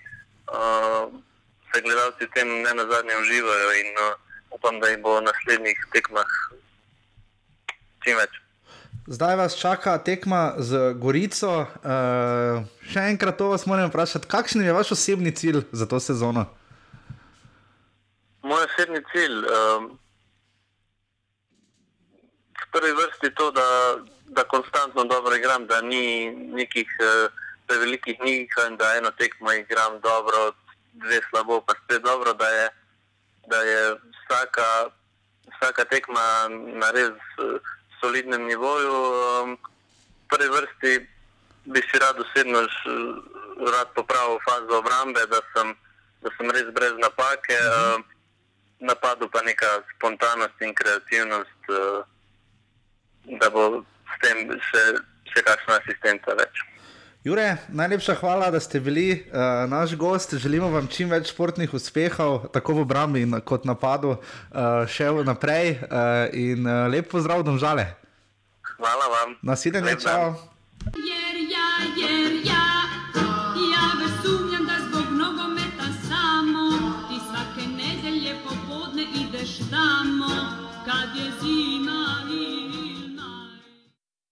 Tako, hvala Gregi Krmavnerju, nogometnemu klubu Domžalo, Domžale. Uh, smo res hitro se zmenili za intervju, tako da upam, da bomo tudi v bodoče našli še kakšne super fajn goste uh, iz čim več slovenskih klubov. Uh, upam, da bi bil refajn sogovornik, vmes je malo telefon jeziv, ampak upam, da nam tega pretirano ne boste zamerili.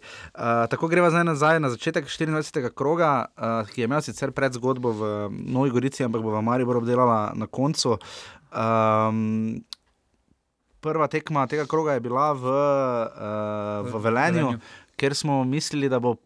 Da bo zgodilo se ravno obratno, glede na prejšnji krok. Ne, Gorica je izgubila proti Mariboru, čeprav je pokazala dobro predstavo. Ja. Rudar je pa seveda vse šokiral, najbolj Luko Elznerja uh, v Ljubljani in potem doma spet izgubil. Zanimivo, da je Rudar osmovrščena ekipa po domačih tekmah. Ja, doma Še Krško je pred njim. Ne.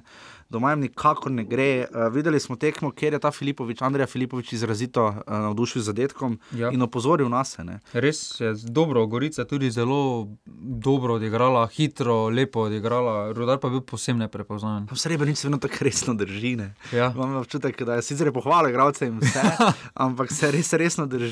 Uh, Gorica stiska, seveda. Uh, ampak zanimivo da so spet ti trije klubi, ki smo jih rekli, nekaj, da bodo ostali v zlati sredini, cele Gorica in Koper. Vsi trije so zmagali v tem krogu in imajo še vedno, že, že tri kroge imajo enako število točk. Ne? Ja, to je bila zelo pomembna tekma za Gorico uh -huh. po torku. Uh -huh. So rabili to zmago, da se malo oddalijo in obdržijo to borbo za četrto mesto, ki še bo najverjetneje peljalo v Evropo. Je pa zdaj Rudar, ki je napovedoval prejšnji teden, da ga zanima Evropa po odmevni že drugi letošnji zmagi proti Olimpiji, uh, da ga zanima četrto mesto, ampak kot je tudi Dominik Glave na prejšnji teden v vse dopovedal, ampak uh, tekma z Gorice je bila vse prej kot tone. Poleg Ja. tega, da ni se nekako poznal nek številčni obisk. Spet je bilo nekje med 400 in 500 gledalci. Um, ni bilo nekih večjih sprememb v postavi rodarja, uh, ampak preprosto ni šlo. Videli smo pa po vrhu še tu 12 metrov, ki uh, obe sta relativno bili tam, je rada, res malo naivno ven letel. Ne. Čeprav rada je najprej žogo. Najprej žogo zadevne, ni bilo Ja. tako kot na drugi strani, kjer je Sorčan. Res ga eh, odnesel. odnesel, ker je Meri, pa še dobro je vdaro. Uh, uh, videli smo pa zelo zanimivo situacijo, uh, uh, ko sem se pred s Handanovičem pogovarjal pred časom, je rekel, da ja, streljajo pogosteje po sredini, ampak vseeno boljše stran zbratne. Uh, ker je namreč uh, Burgič po sredini udaril ne, in se radan vrgel kot, uh, glavina je pa streljal v kot, pa je Sorčan na sredini ostal in se vidi, kako Golman smešno izpade, če ostane na sredini. ne. Ja. Zelo, kot da se mu ne da. Ne. Ja, to, ja to, kot kaže, to res vedno več se jih odloča, streljcev, strelo po sredini. Tako da glavina nadaljuje ta mrtvi tek. Ja, glavina najstrelce. spenala, zahoj spenala. Ja. Ja. Tega, je, tega je res ogromno, ampak tu lahko rečemo samo to, da se je Gorica hitro pobrala. Da je pa tukaj obdelala tisto gori, gorički del tekme z Mariborom. Gorica dobro odigrala tekmo z Mariborom, Ja. uh, dala dva zadetka, vodla. Ne, Tudi zgrešen penal je imela. Še en imela penal, zgrešen. Uh, Ponudila ogromno več napadov kot v obrambi, ne? ampak so zdaj očitno to popolnoma. Zdaj so, zdaj so z, napad, z napadalno igro lahko očitno izničili te obrambne težave, ki jih imajo, ker dva zadetka, ki jim jih je dal Maribor, tako Zahovičev, Eurogol, kot tudi tista akcija, ki se je začela pri kolni zastavici, sta pokazali, da imajo Goričani nekaj težav pri celotnem, po celotnem igrišču v fazi branjenja. Ne? Ja, tukaj se tudi pozna to, kar omenil uh, Srebrenic po tekmi z Mariborom, da pogreša malo več poguma pri Ja. mlajših igralcih, da samo Burgič na takšnih tekmah. Uh Mhm. Burgič je zelo naredil, zdaj, zdaj je res taki lider ekipe. Ja, ne. res vodi to ekipo, čeprav tukaj ima Gorica kar nekaj zanimivih igralcev, uh Mhm. -huh. kjer, bi v, kjer bi lahko in je zmožen vsak igralec eh, prevzeti malo pobudo in biti malo bolj pogumen. To na tekmi proti Rudarju so, kot kaže, več kot vzeli v obzir in so tudi se dokazali. Na polno so šli ne? in tudi Goričani, uh, zanimivo imajo v tej trojici teh klubov z enakim številom točk tudi največ zadetkov. Ne? Pa zanimivo, da ima rodar dva gola več ne? od Gorice, do, od Gorice doslej doseženih. Tako da to je to ena proti tri, uh, je bilo v Velenju, pravico je delil Dragoslav Perič. Zadnji čas vidimo, da malo sodnike skupaj mečejo, ker so sodili sodniki iz Kranja, Maribora in pa Ljubljane. Ta je res uh, se zelo podobno je bilo tudi v Ljudskem vrtu v soboto, ampak preden je v Ljudski vrt tekma, ki je postregla z Eurogoli, Eurogolov, Koper, Radomlje, uh, res jajna tekma, celo 400 do 500 gledalcev ne, Ja. na Bonifiki, kar je kar vredno glede na vso stanje, ki ga trenutno imajo v Kopru. Uh, Daniel Pranič je dosegel svoj prvi zadetek, tako kot Andrija Filipovič, seveda Andrija je star 19 let, Pranič je že precej več, precej bolj letih. Daniel Pranič jajen, prvi, prvi zadetek je bil. Ja, eh, lepo od- se je znašel v prostoru. Um, potem je Balič izenačil z. Tu se razlikujemo, tu si z žigo nismo enotna, moje mnenje je, da je to pač res Eurogol, granata od gola. Ne? Ti pa praviš kaj? Ja, lep gol je bil, vendar vratar bi lahko malo boljše posredoval. Sem če žoga tako zavije, mislim, jaz ne gram fusbala tekoče, ampak žoga te žoge nove res noro zavijajo. No? Ja, če, res bi, po mojem mnenju bi lahko malo boljše posredoval. No. Res, da je bil res dober šus. Pa on je še branilec, mu je, mislim, uh, igralec Kopra, mu je relativno blizu stal, ne, sploh dobro, da je mimo njega vdaro, ker je bil na pol blok. Ne. Tako da res pogledajte te zadetke, ker potem tudi v nadaljevanju je Pekoson zadev dva zadetka. Nenormalna. Nenormalna gola. Predvsem za dva ena je bil. Ja, no. Tisti je pa res bil. Malo opiši, da se izkaže še kot opiši gol. Žoga je dobil ob, gol, ob avtlini, potem je šikal malo. Malo šikal na mestu. Na stičišču, proti stičišču, rob, v, proti vrhu 16 proti vrhu 16 metrov, ja. je šel. Potem pa je res zadev malo mrežico. Ja, od vratnice. Ja. Pa tudi tretji gol za Koper 3-1, ko je pa tam v igralcu, ko je dal takega onrijevskega gola. Ja, iz roba, iz roba. Res je lepo zaplasiral žogo. In potem še Pučko, ki je žogo pospravil preko Iva Čiča, ki je težko bi karkoli naredil pri teh golih. Ja, ne. nič, nič Koper je bil. Pa rado ne smo imeli še kakšno šanso. Ne? Zanimivo, se ste slišali na začetku, da je uh, Igor Pamič vedno vztraja, da, da niso še to. Ni to, to še ni to. Mene zanima, kdaj bojo. Zdaj bo zelo zanimivo naslednjo kolo, ko gre uh, Koper k Olimpiji. Ne? Mene zanima, kaj bo, kaj bo gospod Pamič uh, izpod kape povedal naslednjič, ampak še vedno ni zadovoljen. Ne? Ja, res so fajn ti uh, trenerji, tudi trener Rudarja je v komentarju tekme, je celo tekmo povzel. Ja, trajalo mi dve minuti. Radino, Vanja Radinovič, ampak ja, pri Pamiču, Pamič je res nezadovoljen, ampak Koper se glede na, kje so že bili v tej sezoni, ker so že bili ja. zelo nizko, ne? tonili so že proti dnu, ne? tam nekaj z radomljami so bili bolj v začetku sezone. Uh, spomnimo se, kaj je Maribor gazil takrat pa še potem Olimpija. Um, trenutno je res, Koper se dobro drži s temi 34 točkami in ima, ne glede na to, da bo kmalo ostal brez napisa na dresih, uh, vse kar se sponzorstva tiče, se dobro drži tudi igra, se zdi ta Pekoson, uh, nasploh gledaj tudi postava Kopra, če pogledava. Imajo ekipo. No? Imajo ekipo, ja. Tukaj še treba dodati Valencijo, ki je trenutno poškodovan in tu je vprašanje, kaj bo z njim. Tudi se je dokazal že v tej sezoni. Tako da res imajo ekipo tudi po imenih. Ja, Ibričič se tudi vidi, da na stara leta skupaj z Praničem ima afiniteto do kluba in bomo videli, bomo videli zdaj, kaj bo Koper spravil skupaj proti Olimpiji. To bo tekma, kjer bomo zavideli na vdih tega Kopra, ki ima zelo dober štart sezone. Mislim, da so sedem točk zbrali, domžale ste premagali v gosteh, ne ja. mislim, res so na leto. Čeprav tam v tekmi proti domžalam so res gledali nebogljeno, na drugih tekmah pa so se predstavili kar v solidni luči, tudi glede ja. na vse dogodke, ki se dogajajo okoli kluba. Um, povedala Maribor Aluminij na konec. Nedeljska tekma je pa še bila uh, v nastavljanju Matija Gupca, ki bo imela očitno posledice. Že bašali iz televizije Slovenije včeraj na Twitterju zvečer poročal, da naj bi bil Tomaš Petrovič že bivši trener, je že bivši. Za nisem videl, ali je uradno potreben. Je, je novi trener, je vodja mladinske šole. Aha, ampak dejansko do konca sezone, ali ja, zgolj zdaj? Za... Do konca sezone, tako so napisali. Aha, tudi okay. igralci so se mu, Martin in vidijo, da se mu je tudi zahvalil za vse, kar mu je dal. Ja. Meni se zdi to malo škoda, meni se nič žalostnega ne zdi, če je Krško izgubilo doma tekme z Gorico in Celjem. Uh, to sta vendarle ekipi, ja. ki odkrito merite na Evropo. Jaz bi razumel, uh, ok, vzlekli so le točko proti Aluminiju v Kidričevem in bili v podrejenem položaju, to je treba priznati, ampak dejstvo je, da je uh, se Krško precej spremenilo. Čez, ja, glede na dane razmere. Čez zimo so imeli jeseni predvsem močnejšo ekipo. Zgubil je vse pomembnejše, vse izkušenejše. Škoda, da se pri, škoda, da se tako hitro pozabi ne se so spet Olimpijo zagodili ne, v zadnjem krogu. Ja, res Petrovič je zelo dobro delal, glede na razmere, ki jih je imel in tudi igralski kader, se drži krško zelo dobro v prvi ligi. Tudi, recimo, Pušaver v Kliševici se lahko kot mariborska članica naučila, Dangovič in Kramerič sta postala praktično neki res izraziti dvojec. Ne? Ja, lani je Hotiča, Hotiča pripeljal, praktično... da je bil v, skoraj da v najnesterici prve lige. Ja, tako je lani izgledalo, Dino Hotič ne ima desetke na hrbtu, če ja. ne bi bilo Tomaža Petroviča, delno, da ne pretiravamo. Res tudi, ampak... glede na zahvalo Krameriča na družbenem omrežju, mhm. je res mu dosti dal, pa tudi igralci so mu zelo hvaležni, glede na to, res glede na dokaj nivo zahvala. In to zdaj pomeni, da so z istim trenerjem stala Marijo pri Darku Minoniču in Gorica. In Gorica primerjano Srebrniču, ne, uh, ki sta oba zdaj že nekaj časa, mislim, da je Minonič lani prišel.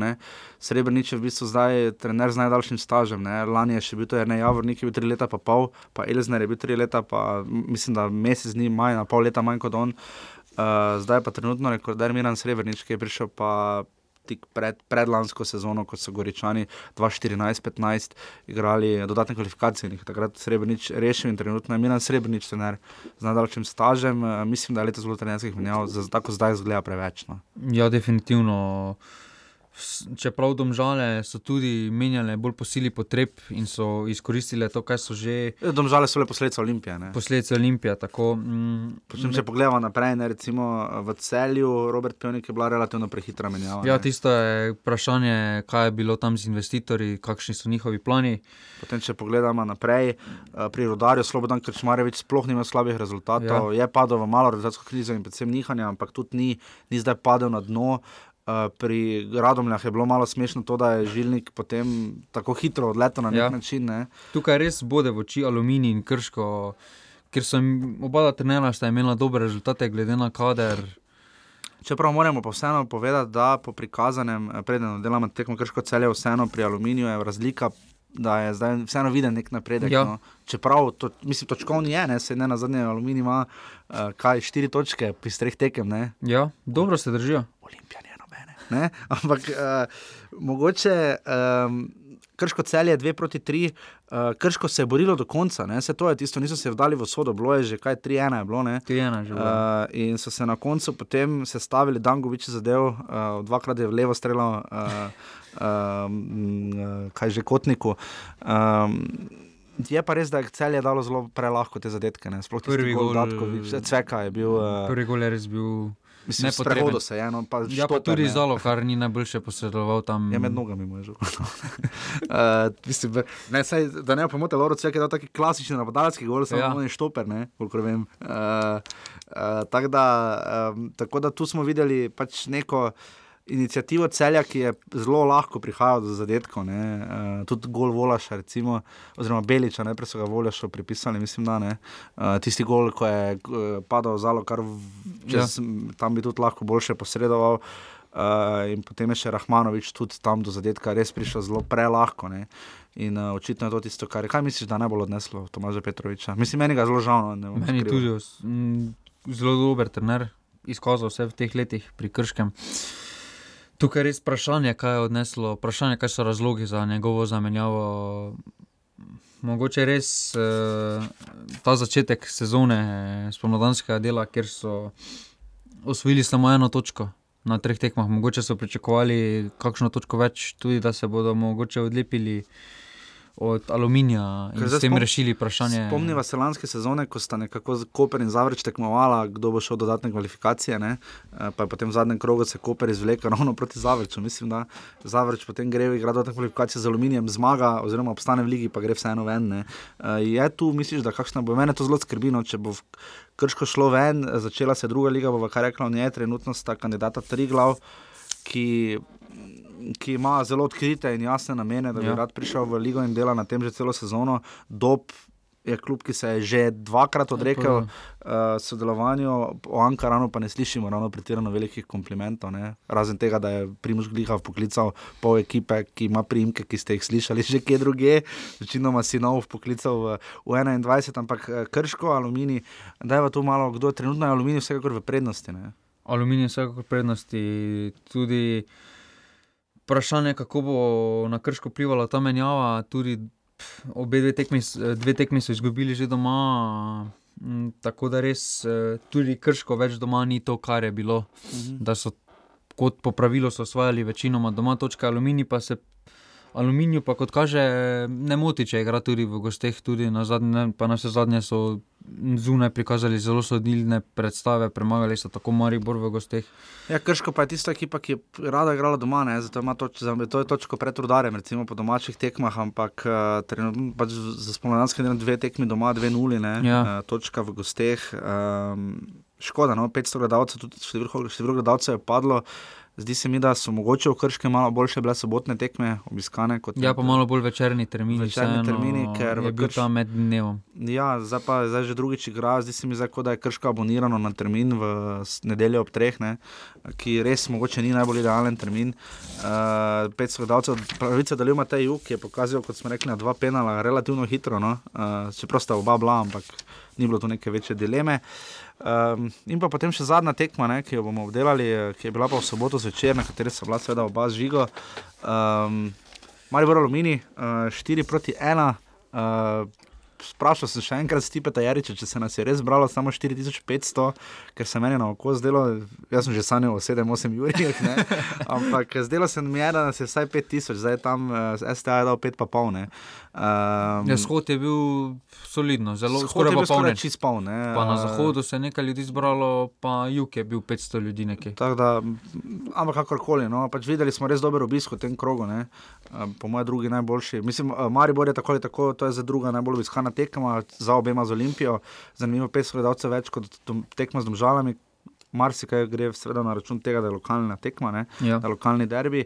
Eh, pa v Domžalah se je zbralo rekordnih 3,5, kar zadeva njihove tekme v slovenskem prvenstvu, kar je absolutno dobro. Vidimo pa vse. Veš, težimo k temu, da bi vsaka tekma imela štiri mestni obisk. Ne. Ja, tukaj res eh, meni je zanimivo, da se ta niso, eh, da ni prirodali, imamo malo večjega obiska. Vseeno so zmagali ja.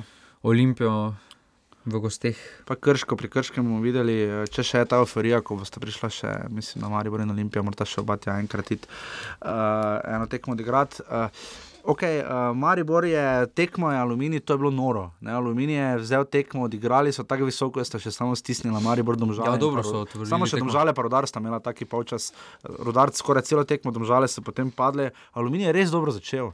Ja, res je dobro, kot po pravilu, proti, pa nasprotniki proti Mariboru dobro odpirajo tekme. Tako da tukaj se res mogoče že poraja vprašanje, če to ni namerno strani Maribora, da malo popustijo na začetku inicijativo nasprotniku, da se malo postavijo, uh mhm. -huh. potem pa začnejo počasi siljevati svoj ritem igre. Ni pa bil občutek, da je Maribor podcenjeval tekmo. Ne. ne, resno so vzeli stvari. Ja. Res... Večemu jih je presenetilo, malo celo šokiralo. Mogoče. Ja, resno so vzeli tekmo tudi uh, dobro. Viler je tudi po tekmi povedal, da so se dobro še spomnili tistega poraza doma proti Aluminiju, tako da jih eh, so imeli več kot dovolj opominov, da morajo to tekmo vzeti resno. Okay, zdaj je odločilna situacija. Ena od uh, Roberto Ponis je spet sodil, Roberto Ponis je sodnik, ki je v zadnjem krogu šmejo dela, šmejo da rumenega, ker ga je žoga zadela v novo. Uh, in zdaj je spet sodil penal, ki sodeč po tem, kaj smo mi lahko videli, res pa da je on, on je bil najbolj blizu. In če je on tam videl, da ga je Bizek vdaro po nogi, meni se je res zdelo na posnetku, da je Defendi vdaro po zemlji. Ne? Ja, vdaro je. Pustimo zdaj, kaj ste na začetku voda slišali, kaj je rekel Mitja Viler, vsem skupaj. Ampak. Uh, Meni se je res zdelo, pač, da to ni bil penal. No. Ja, če že bil ki kontakt, je bil v rokah, čeprav tam tudi ni bilo. Ne za penal. Ne. Ni bilo to za penal. Če bi, je, če bi bil to penal, bi mogel potem aluminijo v drugem polčasu dobiti. Tu dobiti tisti penal. Mm -hmm sodnik je res ni imel svojega dneva, to se mu že videlo, ko je narisal tisto črto spene. Kot čist narobe. Narisal dva metra stran, da ne bi se črto.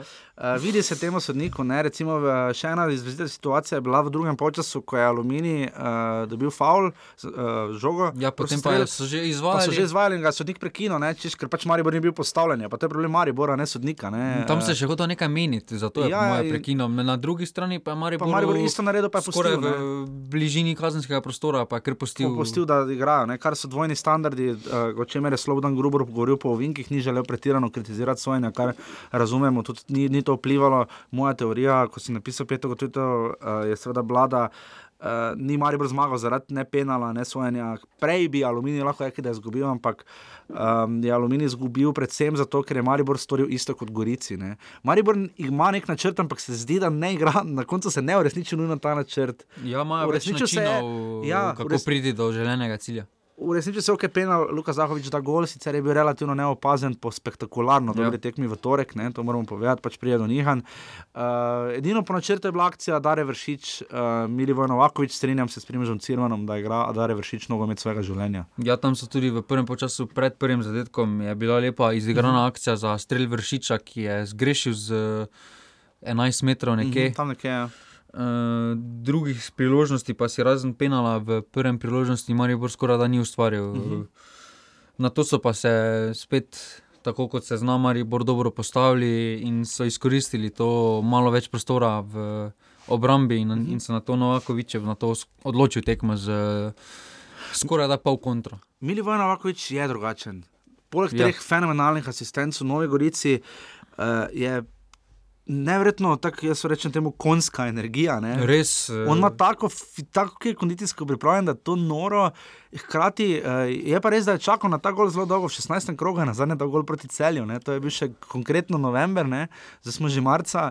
Uh, ena na ena situacija, kot, kot vemo, v Lani niso šle zdaj, Anžekovič še poigral se je malo z njim. Uh, in je res zlahka potem zabil. Ne? In zanimivo, da ga je Milanič še pustil njega not in menjal Tavaresa, ne obratno, ni dal Novakoviča ven. Ne? Ja, tukaj se tudi vidi, da Novakoviču, kot kaže, so rezultati ekipe bolj pomembni kot njegovi osebni rezultati. Saj se je tudi pri 11 metrih to videlo, da je sam predal žogo Zahoviču in mu dal spodbudo.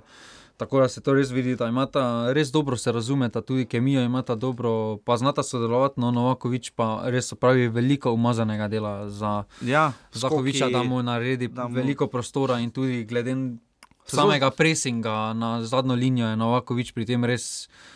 Ampak zanimivo, da ga nismo iz reprezentance nujno takega poznali. Ne? Ja. Uh, je, pričakovali smo ga v prihodu v Maribor, da bo on tisti golgeter, tisti, tako je bila tista šansa, tako je na prvem derbiju z Olimpijo, ki pač Ja. greši, da bo imel take priložnosti, da bodo drugi mu nekako probali, pa bo že on nekako svirclo z izkušenj, ampak zdaj se čist neki drugi Novakovič riše. Ja, ne. tu se je mogel malo prilagoditi uh, samemu sistemu igre in tudi glede samo njegove vloge. On je bil vajen vloge, ker so drugi ustvarjali priložnosti njega, ker on samo delal to, kar se zdaj dela Zahovič, da je samo bil kobra v kazenskem prostoru, sedaj pa mora on spuščati eh, žoge levo, desno in pritiskati na zadnjo linijo, tega pa on ni bil navajen do sedaj. Ok, zdaj šibke točke pri Mariboru. Uh, igra Damena Boharja, smo že premalo menili. In Pihlera tudi. Pihler, vsaj malo, se mi zdi, da malo lažje prebrodi to krizo, vsaj v obrambnih nalogah, ja. se mi zdi. Uh, ampak se strinjam, absolutno ni to Pihler, ki smo ga gledali jeseni. Pri Boharju so pa večje težave in je tu resno vprašanje, zakaj Maribor ne poskusi z Hotičem ali celo Grincem od začetka. Ne? Ja, to je res zanimivo. Čeprav najverjetneje gre eh, Milanič po principu zmagovalnega konja, se ne menjava. Uh Mhm. -huh. e, tako da vseeno ima določene rešitve, ima na klopi tudi Bajdejec, tukaj še sploh ni prišel na vrsto. Ki bi tudi lahko prinesel na takšnih tekmah neko določeno svežino uh Mhm. -huh.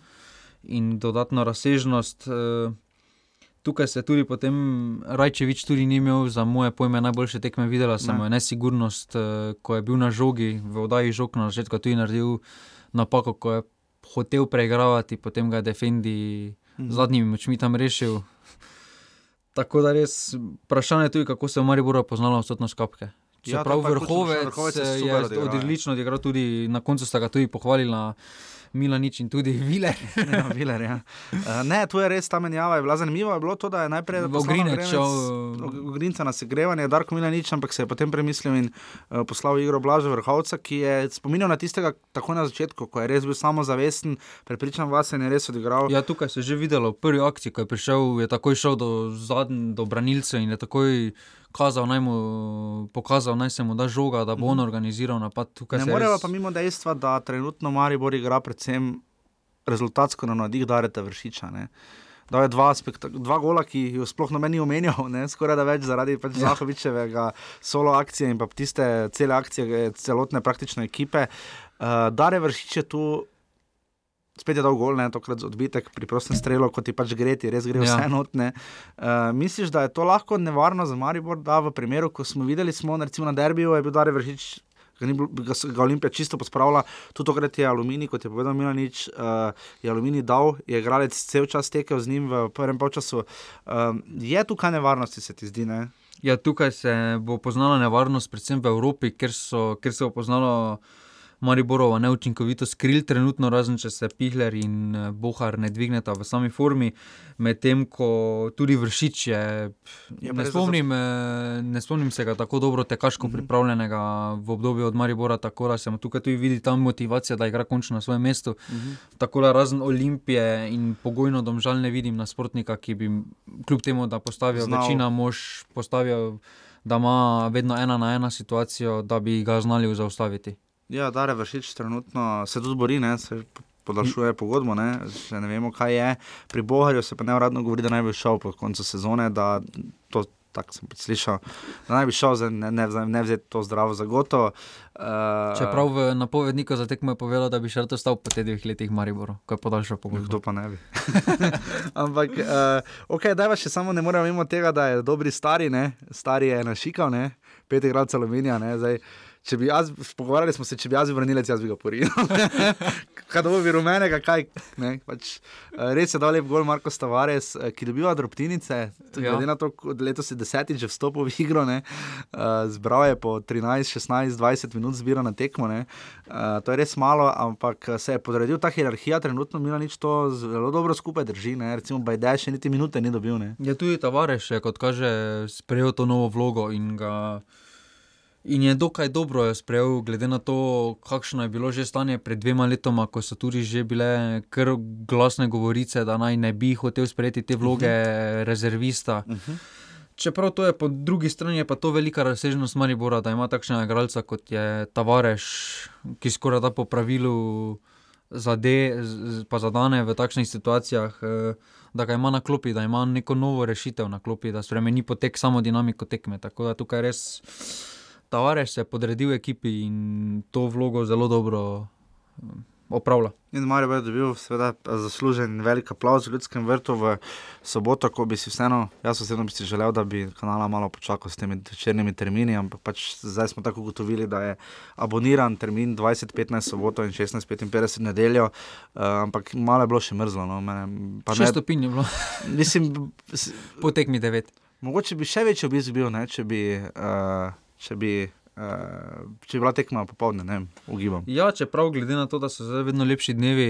Pa tudi... daljši bojo, ne naslednjič, malo ja. igra, ko se že ura premakne. Uh, tako da nič, greva pogledat na lesvico. Uh, Maribor ima zdaj 55 točk, 51, 18, res lepa razlika za nje. Uh, Olimpija je na minus 9, ja. uh, to je zdaj že res kar face razlika. To je že kar kritično stanje. Je... Ni bil Maribor lani na minus 9, tudi največ. Uh, jesen je še, še bil, potem pa so začeli z minus 3, po prvi tekmi pa bilo minus 6, pa je bil mm. derbi 0-0.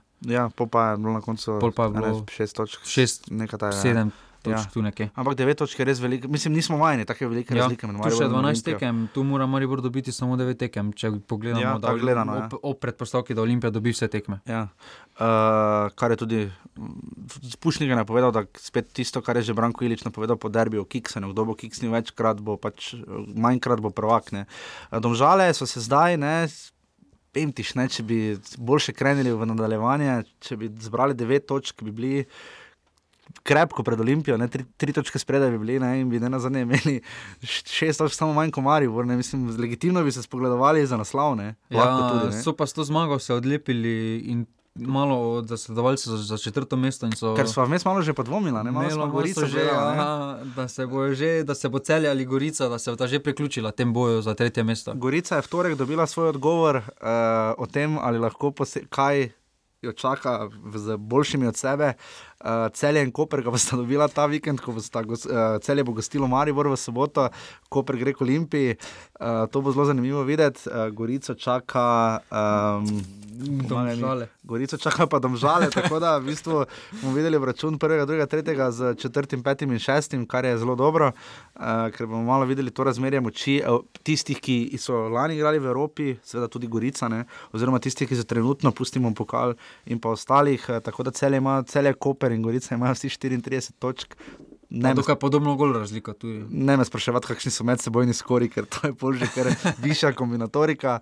Rudar je zdaj ostal pri 29 točkah in ima eh, minus ena gol razliko, uh, zanimivo, da ima Koper tudi minus dva.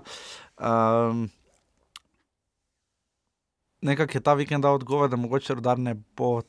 Bo še verjetno koga presenečal, ja. tu in tam ne bo pa res ne posegel v boj za četrto mesto. Vse zdaj tako kaže. No? Ja, čeprav če bi rešili to vprašanje, da bi doma znali odigrati ja, boljše, ja, bi bili nevarni tudi za više mesta. Sedaj pa držijo sredino med bojem za četrto mesto in uh, tem osmim mestom. Res pa je, da zdaj grejo, k, rodar gre k aluminiju, ne, Ja. uh, v nedeljo, v treh, bomo videli, kako se bo to obneslo. Uh, in potem je to krško um, z, 22, z 23 točkami, točko več kot aluminij. Uh, krško gre zdaj v, z, Radomlje. v Radomlje. Um, Škoda, da niso Petroviču dopustili še te možnosti, ne, ker tu bi vseeno, ajde, da Radomel ne premagaš. Ja, Čeprav Radom le dobro igra, ne, to, to je zdaj tisto noro, ker Radom je zdaj boljši igra, kot se igra jesen. Boljše igrajo, bolj, eh, več si upajo tudi v napadu. Tako da In bi ta to. tekma bila res zanimiva. Dominik Glavina in Luka Zahovič sta pri 14 zadetkih pridno jugo, jugo, jugo lovi, Miran Burgič, ki ne igra za celje. Ne. Ne. Samo je pa dal 11 zadetkov, dal 7 iz, Iz penala. penala. Ja, to je ogromno.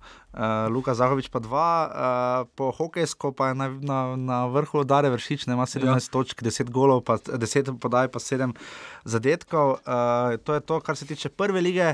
Uh, začela se je druga liga, kot smo rekli, tri glav je v derbiju premagal Dob ne, in tako na, na, izrazito pokazal, čeprav so že malo padali proti koncu jesenskega dela. Tudi um, tukaj je za penal naredil prekršek vratar. Res? Ki je res no, pokosil nasprotnika. Res, adijo. Ja, najprej je bilo tako vprašljivo, potem pa je prišel kar ven, pa kar z nogami odnesel igralca. Tako da res Džafič si je tukaj res privoščil en taki italijanski štart.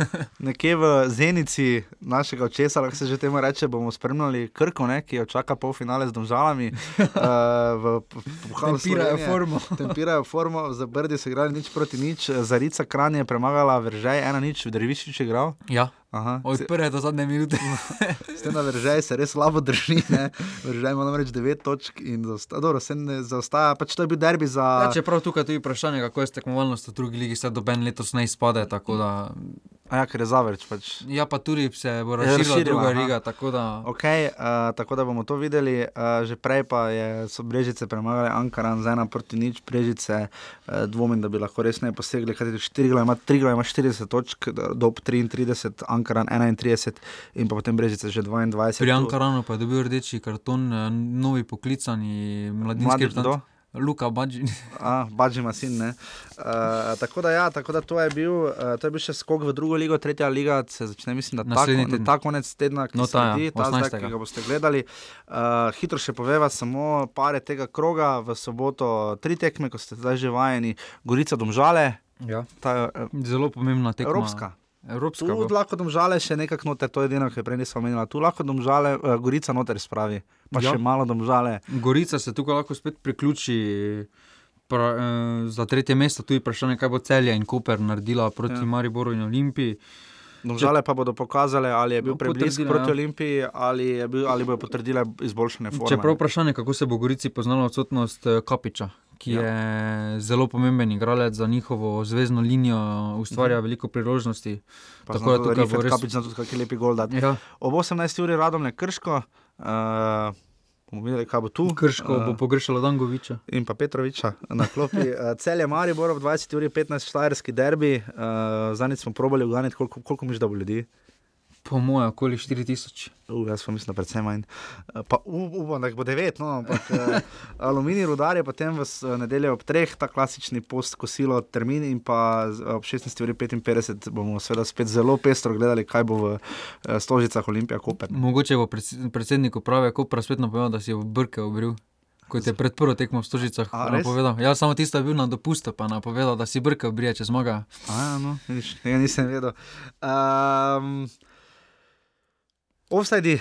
Celje je pridno naštancalo 4 offside, v tem krogu in jih ima 72, uh, domžale sledijo z 63, Olimpija ima 55, Aluminij 53, tu je potem Gužva, Maribor in Rodar sta izenačena z 52, to so všteti tudi uh, torkova tekma. Uh, Gorica jih ima 45, tako kot Krško, Radom je 37, Koper pa še vedno pogreša Jako Štromajerja je pri 32, če želite nas lahko podprete, bomo vsakega evra veseli uh, na urbani.si pošiljnica offside, najdete to vse. Uh, danes smo bili res malo daljši, upam, da ne predolgi. Uh, pri Juretu Balkovcu je bilo čisto malo tehničnih težav, delamo na tem, ampak trenutno še vedno boljše rešitve nismo našli. Uh, res se je dosti dogajalo, tako konec tedna, da cel teden, no, upamo, da bo ta Ja. teden pester. Če se le da, pojdite na futbal, uh, ne glede na to, da nimamo spektaklov tipa Barcelona, PSG. Um, Sodniki naredijo spektakel. Sodniki naredijo absolutno spektakel, pa res, pogledajte si highlights v Kopru, res lepi zadetki, tudi na zadnje gol Tavaresa, pa tisti zadetek Zahoviča, ne na zadnje, pa še bi se našli ti zadetki. Ja, če bi takšen zadetek, ko je Zahovič dosegel v Gorici, dosegel kakšen Messi, Ronaldo, Uh, bi šlo bi bilo sveta, ja. družbeno mreža, je bila polna tega. Zmešala, ja. Tako da to je bil 73. offside, uh, slišimo se spet naslednji ponedeljek. Uh, pa potem spet, ne, ker igramo, potem pa že sledi reprezentančni premor. Ne pozabite, v četrtek srečo Katanec šel. Novinarska konferenca v ti prenašana v živo. Bo, ja, po mojem, na MMC TV, po mojem, ponovadi je. Uh, tako da bomo videli, kaj, bo, kaj in koga bo poklical srečo Katanec, ki ga čaka kar nekaj dela. No. Ja, predvsem pri Ehm, napadalcih. Roman Bezek je sicer dal zadetek, jaz tekme nisem gledal, ker so se lovili. Uh, nisem gledal, Roman Bezek je spenal dal gol, baj pa nima pretirano dobre tekme. No. Ne, tudi do zdaj se ni dokazal v najboljši luči, ko se je vrnil v reko. Uh, tako da nekaj napadalcev bo očitno moral najti tudi v ljudskem vrtu, koga pa, pa, pa več naslednji ponedeljek, če se znajdete v. Rok, si rokrona veter sedaj. Ja, trenutno je on res največji offside, se mi zdi skupaj z Marjem Pušnikom, ki drži za stojičem. Uh, ampak ja, če se Pušnik znajdete- drži uh, offside zastavico. gor. Ja, če, se, če se znajdete v offsajdu, nas poslušate še naprej, lahko nas podprete, pa se slišimo naslednji ponedeljek. Čau, servus. Adijo.